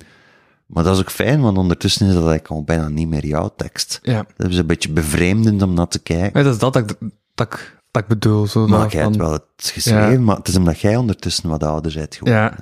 Die tekst is daarom niet minder goed of, of eh, is daarom niet gedateerd. Ehm het is wel zo, ja, je, je moet er wel terug in komen. Hè. Maar is dat niet moeilijker om te beoordelen eh, als hij nu een, oude, alleen, een tekst uit de boeken zou moeten eh, gaan voordragen? Is dat niet moeilijker om te selecteren van ah, dat, dat vind ik nu een goede tekst om voor te dragen, omdat je er zelf al wat losser van staat? Nee, ik vind dat niet uh, ambetant. Nee. Ja. Als mensen zeggen, wil je uit vloed voorlezen? Oh, dat is geen probleem. Ja, ik heb het geschreven. Nee, ja, maar ik bedoel over de selectie. De selectie van welk stuk ga ik voordragen. En dan zou ik meestal uit een recente boek nemen. Ja. Ja, maar stel dat je dus uit de vorige boeken iets moet selecteren, die selectie Ja. daarvan, is die dan moeilijker omdat je zelf Nee. er los, allee, er los nee, van omdat staat je, om te beoordelen? omdat je zelf goed weet welke teksten dat er werken op een podium en welke niet. Hè. Ja. En als in het verleden al gemerkt hebt van, ah, dat stukje doet het goed bij het publiek, of dat zit daar iets grappig in, of dat is spannend genoeg om te brengen, dan doe je dat. Hè. Ja. Ehm, er is geen enkele reden om risico's te nemen, want uiteindelijk zijn die mensen daar om iets goed te horen. En als dat stuk werkt, dan mag je dat eindeloos opnieuw recycleren. Hè. Er is niemand die, nou, die zal zeggen van, "Hey, je had dat de vorige keer ook al voorgelezen. Nou Ja, dat zou wel vrij raar zijn. Dan zei jij twee keer komen kijken naar mij. Bizar. Ja, vind het bizar dat mensen twee keer komen kijken naar jou. Ik zou dat wel raar vinden. Ga jij twee keer naar dezelfde show van Bert Gabriels gaan Dat is kijken? toch niet dezelfde show? Stel in hetzelfde seizoen. Ja, Zou jij nu bijvoorbeeld naar Kortrijk gaan en als jij in Gent dezelfde show doet, nog een keer gaan kijken? maar als je de... Het is te zien. Als je een try-out hebt gezien, dan zou ik wel nog naar de show gaan Mhm. kijken. Omdat Zelfs al is het het toch verschil is. grotendeels hetzelfde. We het verschil, het proces dat erachter zit. Maar dat is, ook, Mhm. eh, ja, dat is ook misschien niet de beste vergelijking, omdat... Maar voor jou kan dat interessant zijn, omdat je er nog iets kan uit leren waarschijnlijk. Maar die, een grap twee of drie keer horen, dat maakt hem niet Ja. minder, hè. En Dat is daar, daarom worden er in een café grappen verteld. Ook al heb je hem al gehoord, dan weet je nog van, ah ja, dat is eigenlijk wel een goeie, hè. Ja. Ja, ja, bij Comedy roeit ook vaak een show mee, maar hoe lang heb je Ook al, ja, sommige grappen kun je waarschijnlijk mee recycleren in een volgende show, omdat schrijf dat daar dingen in bij en al, je, je- je maakt het roter. En bijvoorbeeld de Hemingsander de Rijkse shows begint meestal met een anderhalf uur materiaal en uh, de ding eigen duurt, duurt twee uur en een half. Mhm. Dus toen komt er dan plots een uur bij. Dus ja, in die zin is het wel interessant om dan nog een keer te gaan kijken. Maar bij boeken, als je dat, ja, als je dat inderdaad zou daar raar dat- vinden als mensen twee of drie keer naar- in de zaal zouden zitten tijdens Ja. een interview of een eh, lezing. Ja. Ja. Tijdens interview ook? Goh, een interview is anders. ja, anders, maar goed. Er is nog een verschil tussen stand-up comedy. eh, de lezer kan thuis op zijn gemak het boek lezen. Hè. Mhm. Als je stand-up comedy wil zien, dan moet je eigenlijk naar de zaal gaan, hè, om het aan te voelen en het moet op het podium gebeuren. Hè. Ja. Het is niets dat je thuis, oké, je kunt dat dan op Netflix-shows waarschijnlijk bekijken. Het is maar half zo grappig hè, dan eh, dat je in de zaal zit. Ja. Alleen in een sofa zitten lachen is toch nog iets anders dan in een zaal. Dus ik denk dat er dan toch een verschil is tussen een auteur die twee of drie keer hetzelfde stukje voorleest en, en een comedyartiest die in een zaal live u aan het lachen brengt. ja, maar dat was de vergelijking die hij, die hij had gemaakt. Hè? Mhm. dus Ah, maar het is omdat jij over comedy eh, begon. te spreken. achteraf bekeken is, is, is, is niet de beste vergelijking om dat met comedy te vergelijken. Het is moeilijk al sinds, ja. Het is niet Ja. hetzelfde, dat is waar. Uh, ehm, ja. Maar als ze zo die kort verga- eh, wacht, zo die kort vergaan die dan uiteindelijk publiceert, ehm, die dan eh, uiteindelijk in een boek worden gebundeld, Mhm. Eh verstelt u daar dan nog veel aan, of is dat wel gewoon het kostverhaal die dan Sommige gewoon... moeten aanpassen, ja. Ja. Ehm, Eén kort verhaal stond bijvoorbeeld al in Snoeks, het jaarboek van, dat nu jammer genoeg gestopt is, ehm, stond er al vijf jaar geleden in. En dat was in de tegenwoordige tijd geschreven, dus ik heb dat helemaal in de verleden tijd gezet, omdat het moest werken in het boek. En soms gaat er iets bijvoegen of uitlaten, dat, maar veel hoef ik dan meestal niet aan te veranderen. Het is te zien voor wat dat je het gebruikt. Mhm. Ja. Alright. Zijn er, eh, zijn er nog dingen die, die in de toekomst liggen dat je nog, dat je nog belangrijk vindt om, om, om te vermelden? Zijn er- Voorlopig niet. Ik heb eigenlijk een heel rustig jaar gepland. Ehm, ook, ik heb weinig optredens geboekt en, en weinig lezingen, dus ik wil vooral werken aan mijn nieuwe roman. En daarnaast die, dat, allee, dat literaire eh, recensies. voor- Ja, tuurlijk, dat loopt gewoon. Dat is mijn, Ja. dat is mijn job, hè, mijn Ja. journalistieke... Ja, ja, daar eh, ben ik elke week mee bezig. Dat, Ja. eh, En dat die elke dan dag, nog ja. jaren blijven doen. Ja, graag. Ja, ik vind dat heel tof. Dat is ook een grote eer om voor Knak te mogen schrijven. Mhm. hè. Het is een van de beste bladen in België. Het is fijn hè, om elke week mensen op de hoogte te kunnen brengen van nieuwe boeken en, en eventueel nieuwe cd's of interviews te brengen met auteurs dat jij goed vindt. En zo mensen aan het lezen te brengen. Dus Mhm. dat is heel eervol om te doen. Ja, zijn je uit Starstruck eigenlijk geweest, ook een auteur eh, die je mocht interviewen? Starstruck? Ja. Ehm goh. Mm, zelden. Maar je bent dan zodanig bezig met je en, en je vragen en je voorbereiding, dat je eigenlijk na van tijd niet beseft dat je voor je literaire held zit. Ja. Ik heb zo Bret Easton Ellis geïnterviewd, ook Donna Tartt geïnterviewd, maar au fond, dat zijn ook allemaal heel gewone mensen. Maar jij bent bezig met die vragen, met die opname, met, heb ik alles, want meestal krijg je maar een half uurtje, zeker als er zo internationale Ja. acteurs zijn. Dat dan je moet nog nationaal bent en dat ik hier twee uur ja, krijg. dan moet er dan een keer een foto eh, genomen worden. Dat moet allemaal op een redelijk korte termijn gebeuren. Maar meestal, ja, auteurs zijn vriendelijke mensen voor het interviewen. Hè. Die zijn blij dat ze aandacht krijgen. Ze zijn ook rustig, dat zijn geen rocksterren. Hè. Eh, Sommigen zijn wat bekender dan anderen. Ja. Eh, de enige keer dat ik zenuwachtig was, was vorig jaar, toen ik eh, Warren Ellis moest interviewen. Mhm. Dat is de violist van The Cave and the Bad Seeds en maakt zelf ook muziek. En dat was live. En ja, die man heeft één boek geschreven, maar iedereen kent hem natuurlijk van, ja, van zijn rockoptredens. En ik wist niet wat ik kon verwachten, maar dat- uiteindelijk is dat goed meegevallen. Maar ik was wel even van mijn melk toen ik hem van dichtbij zat, zag voor de eerste keer in de backstage. Denk van, maar hoeveel keer heb ik al geld betaald om u te mogen zien? En nu staan we samen op het podium. Dat is toch nog iets anders dan... eh, ja, gewoon een auteur interviewen, dat je meestal ook nog een keer persoonlijk kent. En Ja. anderen, zoveel auteurs zijn er nu ook niet. Je kent elkaar redelijk snel. Ja. Ja, is dat? Het is een redelijk kleine wereld, ja. Ja. En iedereen komt goed overeen. Er zijn geen intriges. Eigenlijk wel. In het Goh, eh, er, is, er, is, er zal ongetwijfeld wel jaloezie zijn of eh, wat kribbigheid hier en daar, maar de, met de meeste auteurs kom ik Ja. vrij overeen. Ja. Ja. Het heruzie met mensen. Ik zou niet weten waarom. Ja. Er is niks om ruzie over te maken. Nee?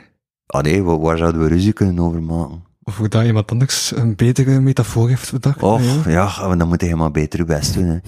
Ja. Als je, ik heb veel auteurs in Vlaanderen waar ik bewondering voor heb en dat ik denk van, voert, ik had dat beter zelf bedacht. Maar ja, goed, dan is het maar aan mij om het de volgende keer beter te doen. Hè. Mhm. Ik heb nog twee vragen. Mhm. Ehm, die, eh, de, de V-trilogie. Mhm. Wist je op voorhand dat dat drie boeken zijn? Nee, dat wist ik niet, nee. Ja.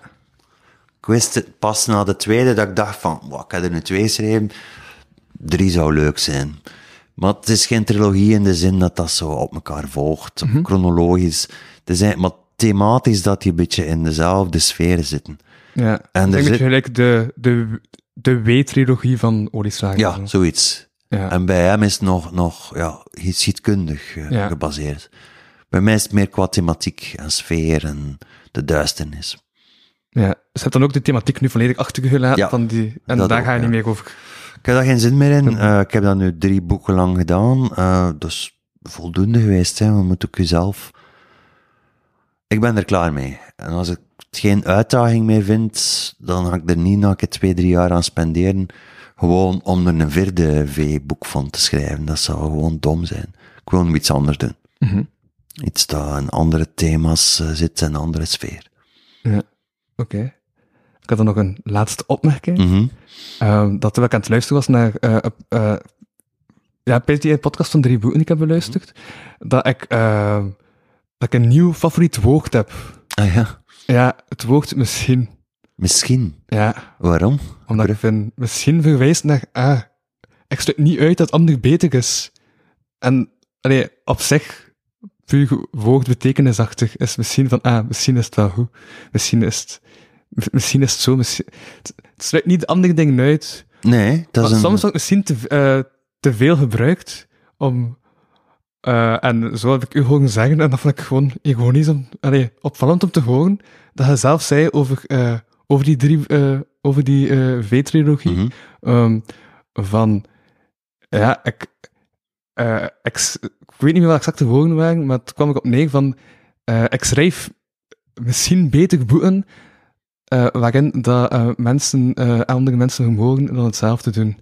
En ik vond die misschien daar, misschien iets, iets te overbodig. Van, ja, wel. ehm, je hebt gelijk, misschien is het wel een heel mooi woord, omdat dat iets zegt over de aarzeling waarmee dat je naar de wereld moet kijken. Niet alles is. Het is beter om een vraagteken te plaatsen en dus meer vragen te stellen dan zeker te zijn van je stuk. Ehm, misschien, ja, dat. Het is inderdaad een van de voordelen van ehm, boeken schrijven, is dat je fantasie kunt botvieren. En dat je kunt fantaseren over alles wat dat je wil, en alles mag en alles kan in een boek. Eh, dat is vooralsnog niet strafbaar, eh, en dat gaat misschien veranderen. Ehm, dus dat is de grote vrijheid dat je hebt. Hè. Dat is, een hele wereld en personages bedenken, en die mogen alles doen wat dat jij in het echte leven niet mag doen. Ehm, en de, de vraag kwam eigenlijk, denk ik, van, ja, schrijven, is dat therapeutisch, lost dat iets op? Nee, de vraag was, is het niet te donker? Uw boeken zijn redelijk donker. Hij zei, ik vind donker, ik vind dat zo'n woord dat zo niet goed klopt, omdat, niet, het is, omdat donker te veel wordt vergeleken met somber, en donker is niet bepaald somber. En ik heb dat maar één keer iemand anders horen vertalen. Ja, vond, eh, eh, dat, dat, viel- dat viel mij ook op, want ik vond dat een big goed, eh, ik had dat onlangs een winteruur met Stemajeu, eh Mhm. Stemajeu horen vertalen, dat donker en somber niet met elkaar moeten verwacht worden, omdat donker soms ook gewoon niet somber is. Oh nee, wanneer Ja. feesten wij op hun best als, als het donker is? Ja. Dus donker is nooit, of zelden, een negatief. Somber is al iets anders. Hè. Dan, wat dat zijn, dan gaat dan rij- richting melancholie, richting depressie. Dat is geen vrolijk woord. Donker is een redelijk neutraal woord. Ehm, en ik denk inderdaad dat het beter is om boeken te schrijven en braaf thuis aan uw bureau te zitten dan op straat eh ja. kattenkwaad uit te halen of erger. Voilà, en door Stema Jude bij te halen, hebben we nu ook terug de comedy link bevestigd. Ehm, en ik denk dat dan misschien beter eh, deze podcast eindigen. Ik ben echt wel bedankt voor je komst. Dat is graag gedaan, dat is fijn. Ja, het was eh, een interessant gesprek. Ik hoop het. Ik hoef er niet naar te luisteren. Hè. Ja, dat is waar. Ehm, ja, dus mailen naar uh, Ja, dan kun je een boek winnen voor Valentijn. Voilà, top. En heugenfrissers en stickers van de kapotkast. Ik ga je straks ook nog een paar geven, dan heb je wel stickers. Oké, tof, dank je. Eh, aangezien hij zoveel op Instagram trouwens eh vinylplaten dropt en zo, Mhm. is er nog een muzikale tip die je nog wil meegeven? Ik, heb ik nog een muzikale tip? Omdat hij natuurlijk ja, bekend staat als boekenrecent, maar qua films horen we niet zo heel veel wel, op Instagram. allemaal de, ik bedoel, de, qua nieuwste, de nieuwste Ja. plaat van Dave Saunders.